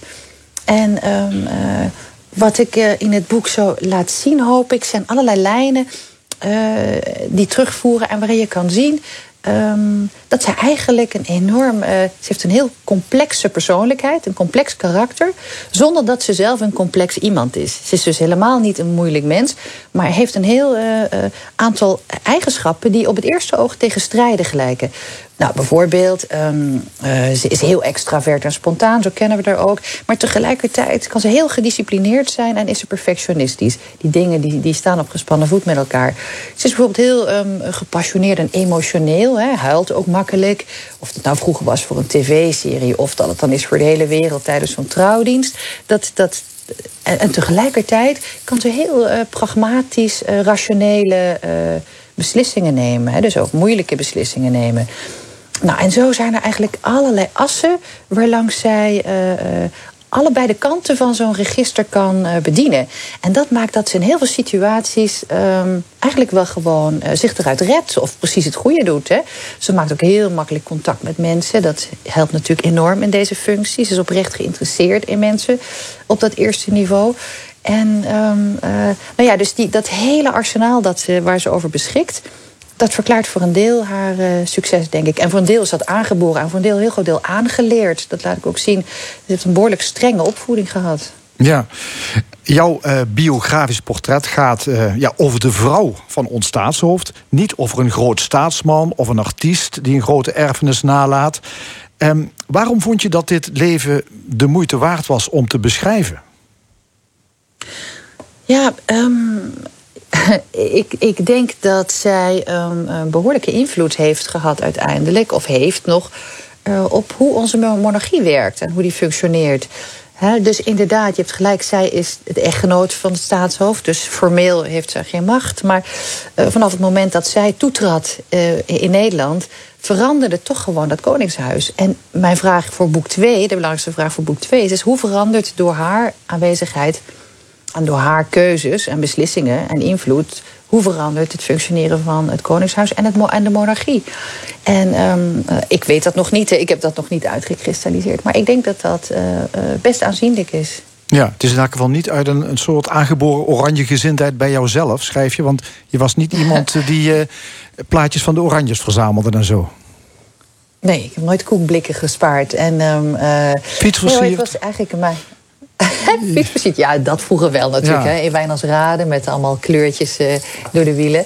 Dat wel. Maar ehm, nee, het is, het is, ik denk eerder ehm, dat het ook wel misschien een voordeel is... dat je geen ehm, eh, grote oranje-fan eh, was voor, hè, of bent om aan zo'n boek te werken. Want ik ben dus niet gehinderd door wat dan ook. Ik kan gewoon eigenlijk een beetje als de cultuurhistoricus... zoals ik ook het Geluk van Limburg heb gemaakt... zo kan ik ook gewoon naar dit leven en, en, en, en deze functie hè, in deze samenleving kijken.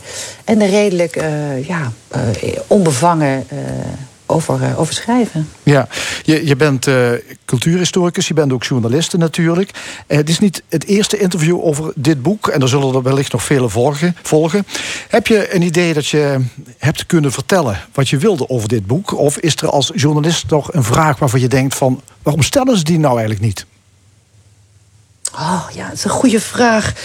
Eh, maar die had je me dan net eerder moeten geven, want daar moet ik dan altijd even over nadenken. Ehm, nee, ik, ik, ik weet het even niet. Nee.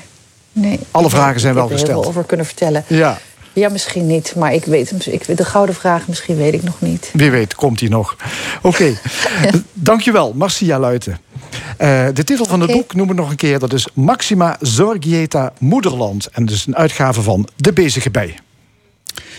U luistert naar L1, meer speciaal naar de stemming. Iedere zondag van 11 tot 1 over politiek, cultuur en samenleving. Zometeen de zondag gehaktdag column van Jos van Wersch. Eerst deze klassieker van Nina Simone.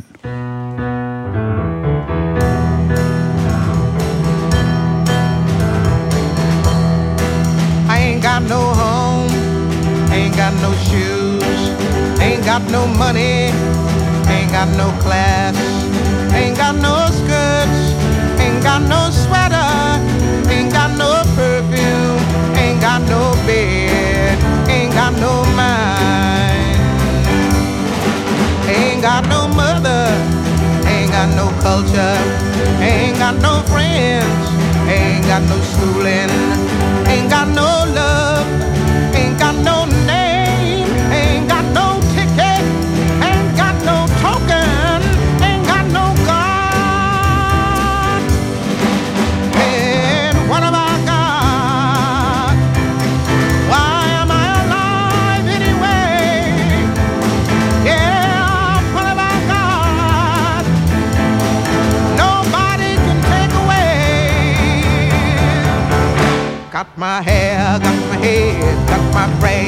my ears, got my eyes, got my nose, got my mouth, I got my smile. I got my tongue,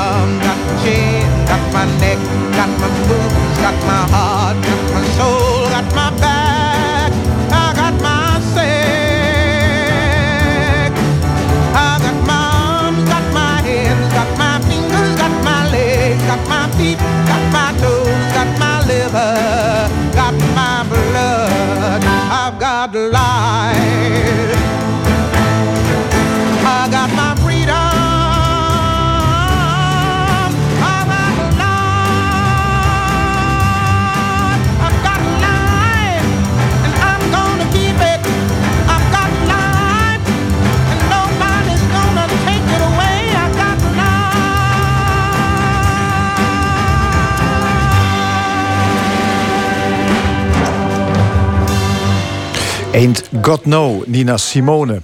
Dadelijk neemt ons opiniepanel de week door, maar eerst een eigenzinnige kijk op afgelopen week. De column. Vandaag met Jos van Wersch. Mijn verzameling teeltjeswijsheden groeit met de week. Deze is van 20 april, toen premier Rutte zei dat Hubert Bruls wijze woorden sprak. Want Hubert had gezegd dat we niet met nul risico uit deze crisis kunnen komen. Waarmee de verantwoordelijkheid ontlopende Rutte zich een vrijbrief verschafte om een stuk rood vlees op de terrassen te gooien om de uitgehongerde meute te kalmeren. Ook de avondklok kon eraf, want onzin, zei draaikont Ernst Kuipers.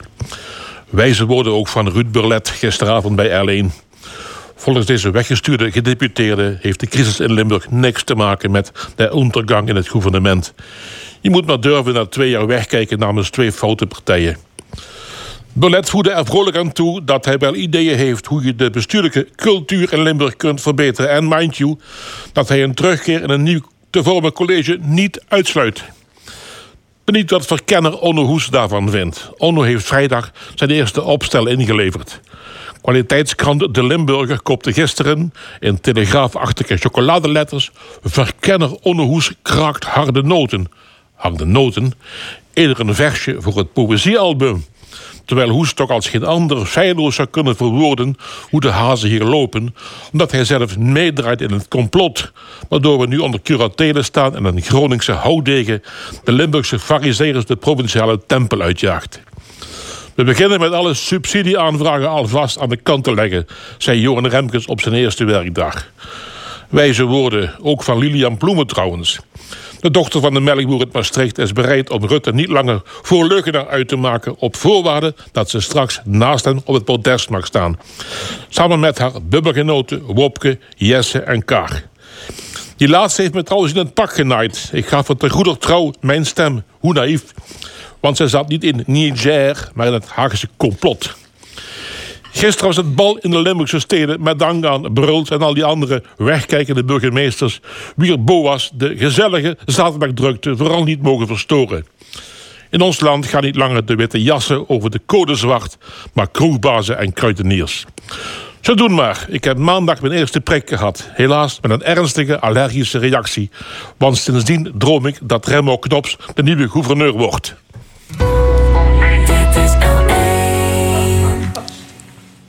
Het is uh, tijd om de week door te nemen. Aan tafel bij ons zit het opiniepanel van deze week. En dat zijn oud PvdA Tweede Kamerlid Monique Quint... voormalig SP Tweede Kamerlid Jan de Wit... en ex-CDA Eerste Kamerlid... Uh, wat zeg ik nou? Er ging iets, er ging iets mis, geloof ik. Karel Leunissen. Ja. Hartelijk welkom, alle drie. Is toch uh, wel CDA, toch? Ja? Hij is toch van CDA, CDA, altijd toch? CDA. Ja. Hoes is bezig als verkenner. Aan hem de taak om een nieuwe provinciale coalitie tot stand te brengen. Vrijdag zei ex-gedeputeerde Ruud Burlet op L1 TV, de columnist zei het net ook al, niet uit te sluiten dat hij weer terugkeert in een nieuw college. Wat vinden jullie daarvan? Jan de Wit, SP? Ehm, ja, ehm, hij, hij heeft natuurlijk een fantastische periode voor zich eh, gehad. Eh, t- hij is me nooit opgevallen, eerlijk gezegd. Maar dat kan ook aan mij liggen. Ehm, het is nu precies eigenlijk wat, eh, wat, we, wat we niet moeten hebben op dit moment. Ehm, ik ben het daar in zoverre wel eens met wat Hoes ook eh, suggereert in zijn eh, rapport. Dat je dus, la- laten we het nou eerst eens hebben over een aantal fundamentele dingen die wij moeten tot stand brengen in de komende periode hier in de provincie. En er zijn echt hele grote problemen. Laten we daar eens over praten. En dan heb je met Burlet natuurlijk al een probleem, omdat hij over het stikstofprobleem en het klimaatprobleem anders denkt dan de meeste anderen in dit eh, land. Dus of hij nou meteen de geschikte kandidaat is om gedeputeerde te worden, dat, eh, dat betwijfel ik. Monique Wendt? Ehm, nou, mijn twijfel begint bij eh, de start die hij ooit gemaakt heeft. Eh, toen was hij eh, overtuigd aanhanger van meneer Baudet. Hij was lid van Forum voor Democratie en kwam eh, onder die titel kwam hij uiteindelijk in de Limburgse politiek verdwaald.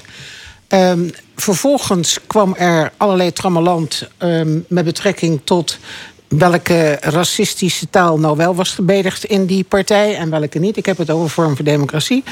En op enig moment lees ik dan dat de heer Burlet eh, van kleur verschoten is en lid geworden is van een andere partij. Ja, 21. Ja. En nou mag dat allemaal van mij, maar dit getuigt in ieder geval van een zekere slordigheid in het kiezen van de partij die je op je voorhoofd plakt als je ergens bestuurlijke verantwoordelijkheid gaat dragen. En dan vraag ik mij dus af, als die nu al beschikbaar is om eh, door te gaan. ehm, dan boeit het mij welk etiket gaat er dan op het voorhoofd. Ehm, oftewel, er zijn voor mijn gevoel grenzen aan opportunisme als je het over dit soort zaken hebt. Karel Leunissen, CDA? Nou, ik heb er niet zo'n uitgesproken mening over. Ik ken eh, meneer Bolet nauwelijks, of niet. En ehm, ja, ik vind het een beetje ongepast dat hij nu eh, al zijn sollicitatie eh, openbaar maakt. Ehm, ja, ze willen in ieder geval, heb ik begrepen van Onno Hoes... dat ze een collegiaal, eh, ex-parlementair collegiaal bestuur willen. En daar zou hij dus op zich wel in kunnen passen. Maar goed, dat is aan de staat, de provinciale staat, om Nee, daarover te maar beslissen. als, als Burlet En kan terugkeren, eens even afwachten als dan. Burlet kan terugkeren, kun je ze allemaal terughalen. En dat is Of vol- niet? volgens mij. Dat, nou, dat, dat, dat, zie ik niet zo direct. Eh, waarom zou dat zijn? Eh, ik denk dat iemand eh, dat leuk heeft gevonden... en, en misschien eh, graag zo'n baan opnieuw wil hebben... en, en dat hij dan een Maar je treedt toch niet voor niks af? Dit is het toch een beetje vreemd Nee, om maar- een paar maanden later dan nee, weer maar ik heb in er- het college te gaan zitten. Nee, ik heb Nee. er echt moeite mee. Als de, en daarom ben ik blij dat, dat Hoes heeft gezegd... we gaan eerst eens over andere zaken praten hier. Eh, want vergeet één ding niet. Dat ook de heer Bovens met ongelooflijk veel stemmen... van een PVV uiteindelijk gouverneur geworden is. Ehm, dus we hebben te maken met een fenomeen in de Limburgse politiek... dat de ene keer PVV heet, de andere keer Vorm voor Democratie heet... en dan heet het weer Ja 21. Maar het geeft aan dat er een behoorlijke blok gevoelig voor zeer rechtse opvattingen in de Limburgse politiek zit. Nou is dat misschien de uitkomst van een democratisch proces... en dan oké, dan, dan is dat zo. Maar ik vind wel dat als je daarbinnen heel makkelijk van kleur verschiet... en dat ook de samenstelling van de staten eh, ook nog al wisselend is... al naar gelang eh, de ene verkiezing of de andere verkiezing... het is niet erg stabiel, laat ik het dan voorzichtig zo zeggen... dan is het heel belangrijk dat Hoes probeert om erachter te komen... in hoeverre ehm, het opportunisme weer in de weg gaat zitten... als het gaat om het vormen van een Ja. college. Want je hebt nu echt bestuurders nodig... die eh, hun verantwoordelijkheid nemen om afspraken... die al van een aantal jaren geleden dateren... en die hebben met van alles en nog wat te maken... maar vooral ook met regelgeving en uitvoering dat men van elkaar weet dat men streed in dat proces kan gaan zitten en niet stiekem toch weer iets anders denkt als waarmee men ooit de verkiezing is ingegaan. Ja, maar als je het hebt, Jan de het, Wet? het- la- laten we zeggen, het, het is niet alleen in Den Haag, maar ook in Maastricht eh, hebben ze het over de bestuurscultuur. Eh, hè, dus eh, zonder dat we nou weten eigenlijk wat, wat daarmee bedoeld precies wordt. Eh, Hoes zegt het ook. Hoes vindt ook dat er in eh, Maastricht, in de provincie, een andere bestuurscultuur. Nou, als je nou ziet waar we mee bezig zijn, dan is dit eigenlijk weer precies een exponent. Is een duidelijk voorbeeld van de oude, oude patronen die zich voltrekken op dit moment. En als Maar- je kijkt naar wat, naar, naar, naar wat Hoes in ieder geval in de Limburg heeft gezegd over die bestuurscultuur. Hij, dan dan eh, zegt hij dus... Ja, eh, eh, ja, in Limburg is heel speciaal dat er zo verfijnde netwerken bestaan... van mensen, dus ons kent ons, hè, met andere woorden. Maar ook Dat- goede dat- kanten aanzetten, zegt hij. ja, en dan zegt hij dus, hè, en dan, en dan staan mijn haren recht overeind, dan zegt hij dus... we moeten zoeken naar de mogelijkheden om met instandhouding van de charme... van dit soort verfijnde netwerken en al die contacten... Om, om iets nieuws tot stand te brengen. Nou, dan denk ik, als je begint met de charme, dat charme te noemen... en als je dat eigenlijk dus eh, bewondert... ja, dan wordt het echt nooit wat. Maar dan Ruud- wordt het echt nooit wat. Ru- Ruud Burlet zegt eh, in een interview hier bij L1 dat elkaar de bal toespelen. Dat vindt niet zozeer binnen het provinciehuis plaats, maar in het maatschappelijke omveld. Ja, maar, wat, Ja. ja. maar nou, dit vind ik, heel, dit vind Ja. ik echt een. Ja, ik heb zijn uitzending niet gezien, Nee. maar dit vind ik een hele spannende opmerking. In elke samenleving heb je te maken met intermenselijke contacten. die al naar gelang de functie die ze vervullen of het werk wat ze doen. met elkaar praten over dingen die hen bezighouden. Dat lijkt me vrij voor de hand liggend, dus dat vind ik niet zo spannend. Waar het hier om gaat, is dat je informatie die niet op straat gelegd kan worden op moment X. maar die bedoeld is om gewoon via de normale eh, geledingen, eh, bijvoorbeeld aanbestedingsprocedures of in de krant publiceren dat er iets gaat veranderen, eh, dat dat al geregeld is onder ons, voordat überhaupt mensen die daar niets mee te maken hebben, ehm, het kunnen weten. En dat is een probleem wat eh, niet alleen in Limburg voorkomt. Dat zal je mij nooit horen zeggen. Maar dat het hier vaak binnen dezelfde soort groepering plaatsvindt... met min of meer dezelfde lidmaatschappen van dezelfde verenigingen en partijen... dat is een ander verhaal. Hoe dan ook, het zal niet zo zijn met al dit gepraat om me heen. Hè? Het zal niet zo zijn dat eh, de politieke verhoudingen binnen het provinciale staten eh, niets, eh, geen invloed zullen hebben op welke mensen in dat college zullen komen. En daar zal Onno Hoes ook rekening mee te houden hebben. Daar kan hij niet omheen. En als het CDA zich al buitenspel heeft gezet... en Forum voor Democratie dat ook nog eens doen... ja, 21 ook nog... ja, dan hebben we, moeten we dan ook die, die handvol linkse Kamer... provinciale statenleden in eh, eh, pro- een college vormen? Dat zal niet lukken. Goed, Geloof over de bestuurscultuur gesproken. Deze week was er weer een marathondebat in de Tweede Kamer. Maar liefst 15 uur werd er gedebatteerd over de openbaar gemaakte notulen van de ministerraad. Veel mea culpa, veel goede voornemens. Diep in de nacht eh, werd er een motie aangenomen van PvdA en GroenLinks over een nieuwe bestuurscultuur. Kun je zoiets regelen per motie? Nee, natuurlijk niet. Maar als, maar als je ehm, dat debat. Ik heb de 15 uur ook niet volgehouden hoor. Ik heb regelmatig toch even iets anders gedaan, wat ik ook noodzakelijk vond. Ehm, maar laat ik beginnen met te zeggen dat de, de meest ondemocratische clubs in ons land. Denk, PVV, de grofste termen gebruikte. Om een zittend kabinet te betichten van een bepaald soort gedrag. Ehm, en ik moet je zeggen dat ik eh ongelooflijk veel moeite had om mijn boosheid onder controle te houden. Dat dit soort jargon probleemloos gehanteerd mocht worden in onze Tweede Kamer. Was het ernstig beledigend? Ik vond het schofterig wat daar gezegd Ja. werd. En, en, en nou druk ik me nog En voorzichtig dat werd uit. niet afgehamerd door de... Nee. En daar heb ik me ongelooflijk aan geërgerd. Want toen dacht ik, mevrouw de voorzitter... zou u misschien zo vriendelijk willen zijn... om deze parlementariërs erop te wijzen... dat dit geen passend jargon is wat je hanteert... in de communicatie tussen parlement en regering. Dat was de nieuwe voorzitter, neem ik aan, hè? Als de nieuwe voorzitter, neem ik aan. Ja, ja, ja, ja. Oké, die, als, eh, als dat dus de nieuwe bestuurscultuur wordt. Hè, de, dus, eh, nou ja, ik heb ook verschillende interrupties gezien, onder andere ook van, van, van Wilders. Dan denk ik inderdaad, voorzitter, waar, waar, waar ben je nou? Want eh, dit is dus echt gewoon, eh, gaat voor mijn gevoel, voor mijn gevoel in ieder geval, alle perken te En dat- buiten. en dat- En als dat nogmaals de nieuwe bestuurscultuur zou moeten worden, dat je nog harder, nog brutaler, nog hufteriger tekeer mag gaan in de Kamer, dan zijn we echt verkeerd. Ja, en die, en die motie, eer- Jan, met die acht aanbevelingen. Kun je, kun je daar iets mee? nou ja, kijk, ik, eh, ik, eh, het, het, proble- het probleem is natuurlijk... als de Kamer daar zelf eh, nou een keer studie van zou gaan maken... van wat is er nou fout... Wat, eh, wat kunnen wij veranderen? Dan kan je dit soort punten natuurlijk eh, meenemen in je, in, je, in, in je, in je overweging, in je, in, in je zeg maar, eh, bezinning daarover.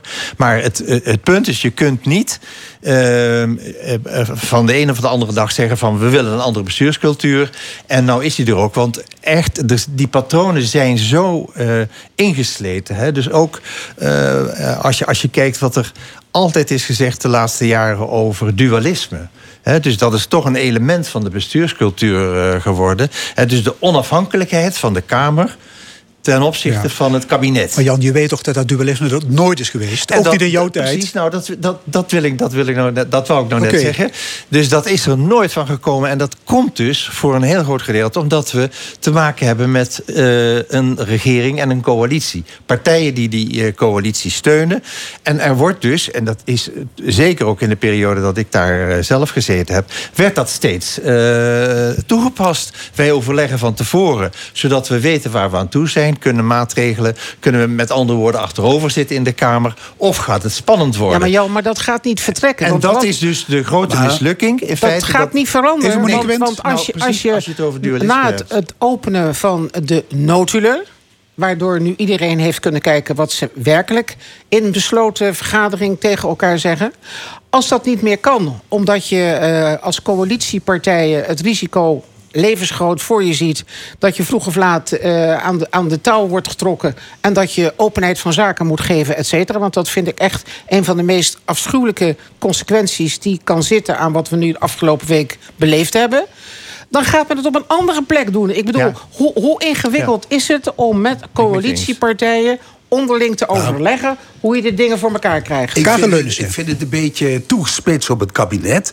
Dat dualisme komt niet alleen vanuit het kabinet. Maar wie het eerste zich dit zou moeten aantrekken, zijn de partijen zelf. Want in die partijen heerst ook een kadaverdiscipline. Binnen de PVV. Nou, een partij die meer kadaverdiscipline heeft als de PVV bestaat bij niet. Binnen de SP, dat dito. maar het CDA ook. Partij van de Arbeid, die je doet mag, dito. je mag niet... Alle eh, je moet gewoon meezingen in koor. En dat wordt gewoon van tevoren bepaald. En zolang als die, dat dualisme niet toegestaan wordt... en een goede discussie in zo'n fractie kan bestaan... die ook kan leiden tot een andere stemverhouding... Ja. Wat wil je dan? Dan, eh, ja, dan bindt zo'n coalitiepartij zich ook aan het kabinet. Ja, maar Karel, mevrouw- en dat, dat zorgt de, de, de, de fractievoorzitter al voor. Maar Karel, mevrouw Lodders, VVD. Ja, precies. Ehm, ik had ook nog nooit van haar gehoord. Ik blijk niet de enige te zijn. Eh, die schijnt binnen de VVD ehm, precies dezelfde rol te hebben gespeeld als, als omzicht in de CDA-fractie. We zitten in de coalitie, maar we zijn het niet eens met hoe die dingen gaan. We worden niet bediend op de manier zoals we dat eh, voor ons zien. We hebben recht als parlementariërs op. Die is, ja, ik bedoel, bewijzen kan ik het niet... maar die is dus op een plek beland als je 34 zetels haalt... en je komt er niet in als een lastige mevrouw Lodders eh, in de VVD-fractie... dan moet je iets verkeerd gedaan hebben. Ja, dat komt omdat coalitiefracties minder ketelmuziek moeten maken dan oppositiefracties, dat is zegt dat- de minister. Nee, maar dat is dus precies waar, waar, eh, waar Den Haag... maar niet alleen Den Haag. Het gaat in de gemeenteraden van de meeste gemeenten gaat het niet anders. Ehm, in de provinciale staten van de meeste provincies in Nederland... gaat het ook niet anders. En omdat we met coalities moeten werken... zul je dus deze gewoonten niet volledig kunnen laten verdwijnen. Want we, we hebben hier nou eenmaal geen twee-partijenstelsel. Dus als je regeert, als je bestuurt... zit je met mensen die compromissen moeten sluiten aan tafel. En de eigen fracties zullen hoe dan ook met die compromissen... op een of ander moment geconfronteerd zijn, hebben zich daarmee akkoord verklaard. Maar je weet nooit alles van tevoren. een Dus- mooi voorbeeld hoe dat anders kan, vind ik toch het experimentair eh, provinciaal bestuur hier in Limburg. Die hebben toch in ieder geval in opzet geprobeerd. En dat is ook diverse malen gelukt om met de wisselende meerderheden in provinciale staten bepaalde zaken voor elkaar te krijgen. En dat vind ik op zich een goede aanzet tot zo'n dualistisch principe van politiek bedrijven. Kijk, wat, wat nu gebeurde in die, in die Tweede Kamer met die motie van PvdA en GroenLinks. Dat is gewoon omdat GroenLinks en PvdA zich dat- weer een mogelijkheid wilden verschaffen om weer aan te sluiten. Zullen- Dus zullen- inderdaad, zullen we het anders bij, formuleren? Het kabinet bij Rutte, in ieder geval Kaag, het motorblok en eventueel Wopke Hoekstra. Zullen we- maar zullen dat we was een poging daartoe. En Ik niks ga, ik anders. ga deze formulering dus echt even bestrijden. Het CDA is potverdomme bijna uit elkaar gevallen... en heeft nog steeds geen duidelijkheid gegeven over... gaan we meeregeren, gaan we, gaan we niet meeregeren. Er zal een kabinet moeten komen. Dus wat gebeurt er? Politieke partijen tellen de neuzen, tellen de zetels... en zeggen, oké, we moeten dus een kabinet zien te formeren... dus er moet een combinatie komen. Als het CDA niet meedoet, wie zijn er dan nog meer in staat om dat te doen? En dat zijn het PvdA en GroenLinks geweest. Maar- En die hebben dus politiek gedrag vertoond, meneer Vleugels. Wat heel begrijpelijk is. want- Vleugels? Sorry, Wie sorry. is dat? Sorry, sorry, sorry. Leunissen. sorry. Ik zit er vier jaar hier. Leunissen. dus ik, je bent toch niet aan de vergeetachtigheid aan het leiden? hoor. Nee, mijn, mijn leeftijd doet er niet verder Te veel naar Rutte. Maar, maar in ieder geval, dus wat daar gebeurd is... is dat midden in de nacht weer de reden is ingedaald... wij zullen hoe dan ook een kabinet moeten formeren. En wat is dat realistisch? eerder. dat, dat is nou net, dat is nou net precies wat je wil bestrijden. En dat dit soort En dat eh, krijg je niet bestreden. koehandel is het niet, maar het is wel dat het, het gedrag eigenlijk. Het wordt niet expliciet uitgesproken, maar het is gewoon zo. Aan die twee partijen zie je in ieder geval dat ze hun hele principiële en harde opstelling van Hebben het begin verlaten. Hebben, hebben verlaten. En nu aan het aanschuiven zijn en zich, Ja. zich in het beeld eh wringen, zeg maar. Ja. En, En dat, dat was is, ook- dat is dus ook een van de aspecten van, dat, Maar dat van die moet- bestuurscultuur. Maar dat, moet je- een CDA En dat nu debat niet. had dus ook een therapeutisch effect. eh, met name, want de, de, de gemoederen zijn tot bedaring gekomen. En eh, je ziet al dat bepaalde partijen toch al aardig. Zelfs de ChristenUnie nog- was ja, heel nee, maar- nog- Nee, maar En- ik, ik, ik vind het echt werkelijk voor een bestuurderspartij als het CDA... die eigenlijk onhold heeft gezet of dat ze überhaupt nog mee willen doen. Ja, omdat wij binnen de partij Ja. ook een hele discussie daarover Ja, maar hebben. dat snap ik, dat en wij snap ik, maar proberen nu een aanvang te maken om eh, vanuit de partijtop, dat niet alleen de partijtop alles te laten bepalen, maar vanuit de partijtop, Ja. de partijleden te Ja, maar betrekken het- bij de nogmaals- beslissing die uiteindelijk Ja, maar genomen Nederland is niet het CDA. Zo erg is het nog niet. hold gesteld. Ja. Het CDA is niet Nederland en Nederland is niet het CDA. Dus het CDA Nee, maar heeft, ze hebben ons wel nodig blijkbaar. heeft Nee, een maar dus- intern probleem. Nee, nee. Hoekstra heeft geen woord gewisseld tot nog toe... over hoe het CDA tegen een aantal dingen aankijkt. Dat heeft hij aan Jane Quilling wel duidelijk nog één vraagje over oh, dat... jij hebt daarbij gezeten. Nog Nee, één vraagje. Hallo panel. Nee, Over dat, over dat therapeutische. Wat is er met onze minister-president aan de hand? Ja, het is, Heeft ja, hij het licht gezien? Eh, echt beseft hij opeens dat alles anders moet? Ja, is er iets naar het neergedaald? Ik vind het zo gênant. Zo gênant. Dat, dat, dat hij eh, buiten de eh, Kamer eh, heeft die stoere taal. Ik heb niet gelogen. Er is niks aan de hand met de nota. Dat zult u zelf lezen. Niks aan de hand. En in de Kamer doet hij met het grootste gemak. Met het grootste gemak de ene verontschuldiging na de andere. En gaat hij zelfs zo ver dat hij zegt... ik, ik hoor de echo van mijzelf. Eh, die heb ik zelf nog nooit gehoord, maar bijvoorbeeld van mezelf. Maar ik hoor de echo van mezelf, ben ik niet trots op. Op wat ik allemaal daar eh, nu teruglees.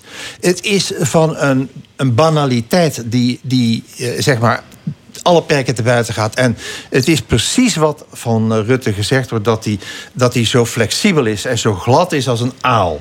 Dat hij het ene moment dit beweert... het andere moment met even groot gemak dat. En dat vind ik gelooft echt... niet in zijn geestelijke metamorfose.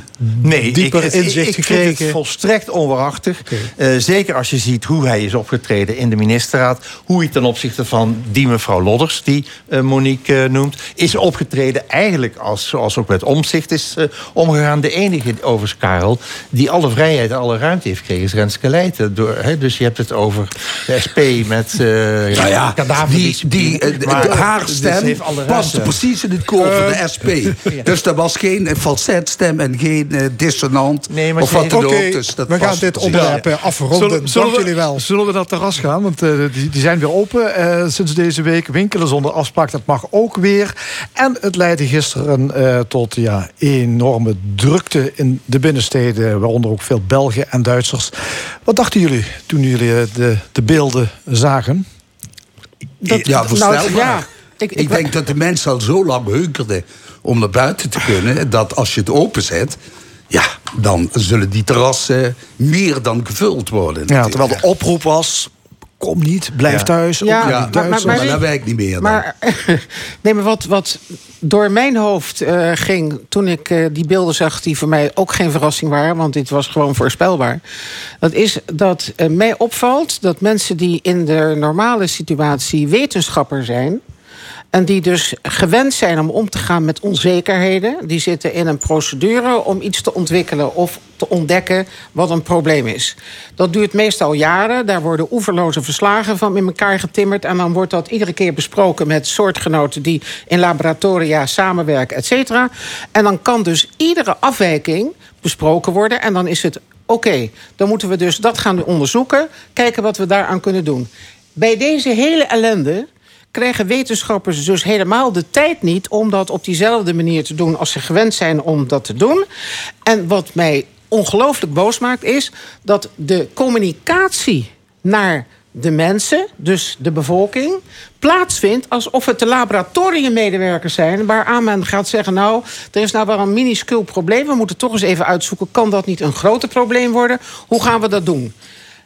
We- Nou, worden ik, vind, ik vind wat, als een wat, soort, wat dit, soort ja? Ik, ik, ik vind dit nog steeds. eh, kijk, voor mij is eh, het, het aller, aller, allerbelangrijkste is de volksgezondheid. Dat is volgens mij het enige dat eh, maatgevend is voor welke maatregelen je dan ook gaat doorvoeren. Wat hier gebeurt is met de terrassen, is dat toch, terwijl de cijfers echt het tegendeel beweerden en altijd gezegd is van we kunnen alleen maar iets versoepelen als de cijfers dat rechtvaardigen. Nou, daar hebben ze op een gegeven moment kennelijk een streep doorgezet vanuit opportunistische wellicht politieke eh, argumenten van eh, de druk is veel te hoog en we moeten nou dit. En eigenlijk eh, waren alle deskundigen, waar, en wat Monique ook alle deskundigen, op dat moment waren het er tegen om die versoepeling toe te passen. Ja. Maar ze zijn gewoon be- bezweken als gevolg van hun slappe knieën, Ja. of welke druk dan Nee, ook. dat is niet zo. En je ziet nu dat ze meteen al hebben aangekondigd afgelopen vrijdag, we gaan niet verder. Ja. Ja, is, is het kabinet En dat, durfden ze dus niet. Het Ja, is kabinet is gezwicht voor maatschappelijke voor de druk? maatschappelijke druk. En niet alleen de maatschappelijke druk vanuit de burgers, de horeca, allerlei belangengroepen, maar ook met name vanuit de burgemeesters, hè, de Veiligheidsberaad. Die hebben ook ongelooflijke druk gezet op Rutte en de Jonge. En op het hele kabinet uiteraard, want die moeten erover besluiten. Om die versoepelingen toch toe te passen. En dat dan zo'n Ernst Kuipers gaat roepen in zo bij Bo notabene... eh, dat die avondklok volledig omzonst was. Hè? Dat is natuurlijk... Ja, dat vind ik echt... eh, Daar heeft hij echt naast zijn potje gepiest, die eh, collega.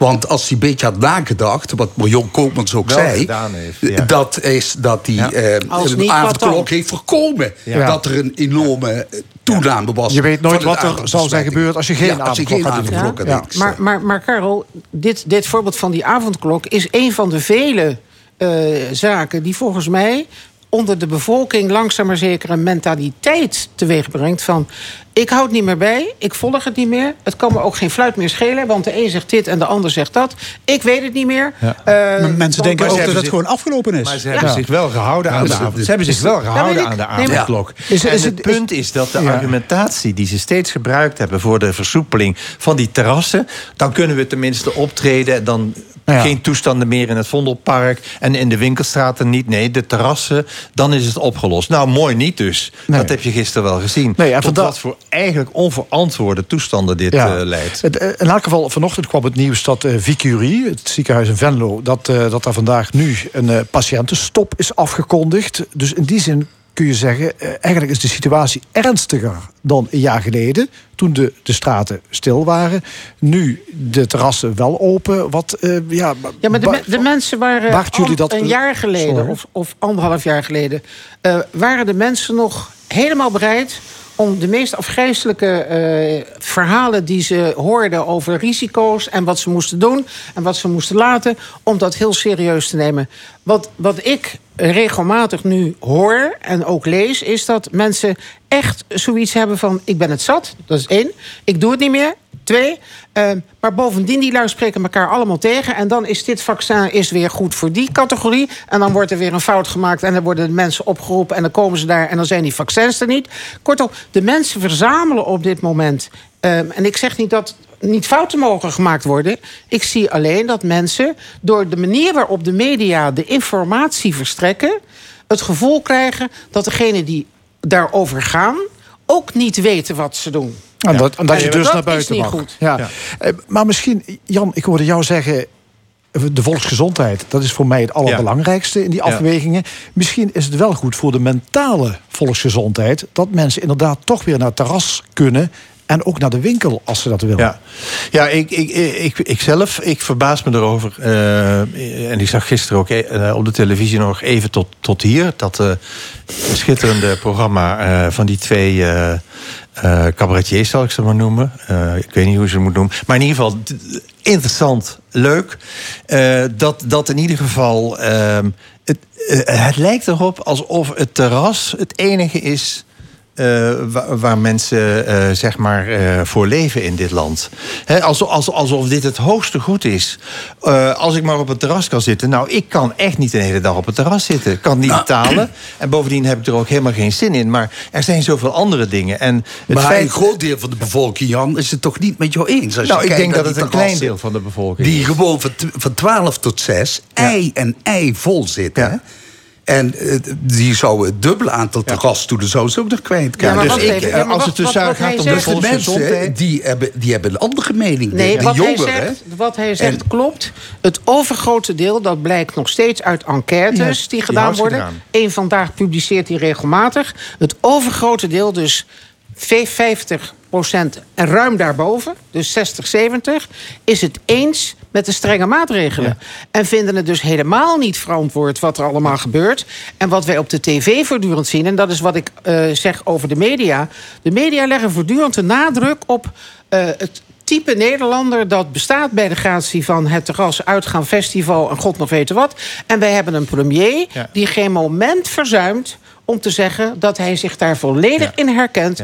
Want hij leidt ook zo onder dat niet op een terras kunnen gaan zitten. Dus het, het Ja. is een Ja. soort Nou, communicatie. Degene die binnen zit met een boek, die wordt nooit gefilmd. Nee, tuurlijk niet. Nee, precies. De, Terwijl dat de, een de Europese Unie wil trouwens een coronacertificaat gaan. eh, althans, het Europese parlement wil naar een coronacertificaat. Zodat we weer vrij kunnen reizen door Europa. dat is al aangenomen, hè, Ja. dat, eh, door het Europees parlement. Ja. Door het Europees parlement, ja. Is dat En- een goed idee?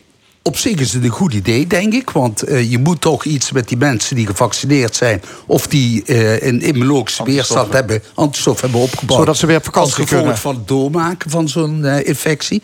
Aan de andere zijde moet je ook mensen die negatief getest hebben... ook de mogelijkheid bieden om in ieder geval naar gele gebieden... geel gecodeerde gebieden te reizen. En daarvoor heb je inderdaad zo'n paspoort nodig. Het probleem is alleen dat dat in 27 landen Juist. moet eh, worden ingevoerd. En dat er nu al... De een wil wel nog een quarantaineplicht opleggen, de ander accepteert Ja, dat het is- vaccin. het is. Europa, Karel, hè? De- ja, Ja, binnen ja, Europa. het is Europa, hè? Let Ja. op, hè. Dus maar de Verenigde? Staten willen ze ook nog Ja. toelaten tot Maar is Europa op maar basis goed, van zijn pas. Prima idee dat we zo weer eh, toch weer door Frankrijk naar, ja, naar Spanje wat- dat, dat is toch een beetje de opening van de maatschappij. En het heeft natuurlijk ook een economisch belangrijk effect. hè. Ja, maar het is toch het wel weer heel... voor de zuidelijke landen. niet- ja, maar het is eh, toch wel weer heel spannend dat we in Nederland weer eh, gelijk roepen... dit is inbreuk op mijn privacy. En dan denk ik... Oh mijn god, ik heb in mijn leven wat afgereisd met een geel paspoort... waarin precies stond waar ik allemaal tegen ingeënt was. En wat ik allemaal... Ja. Dus, dus dan denk Nee, ik, maar het is wel dat- Ja, het is we, wel we moeten afronden. Tijd is op. Hartelijk dank, discussiepanel. Monique Quint, Jan de Wit, Karel Leunissen. Dit was De Stemming, vandaag gemaakt door Erwin Jacob, Angel Zwarts, Fons Geraerts en Frank Ruber. Graag tot volgende week zondag, 11 uur. Dit programma wordt herhaald maandagavond om 8 uur. En is ook na te luisteren op onze website l1.nl en via podcast. Ik wens u nog een mooie zondag.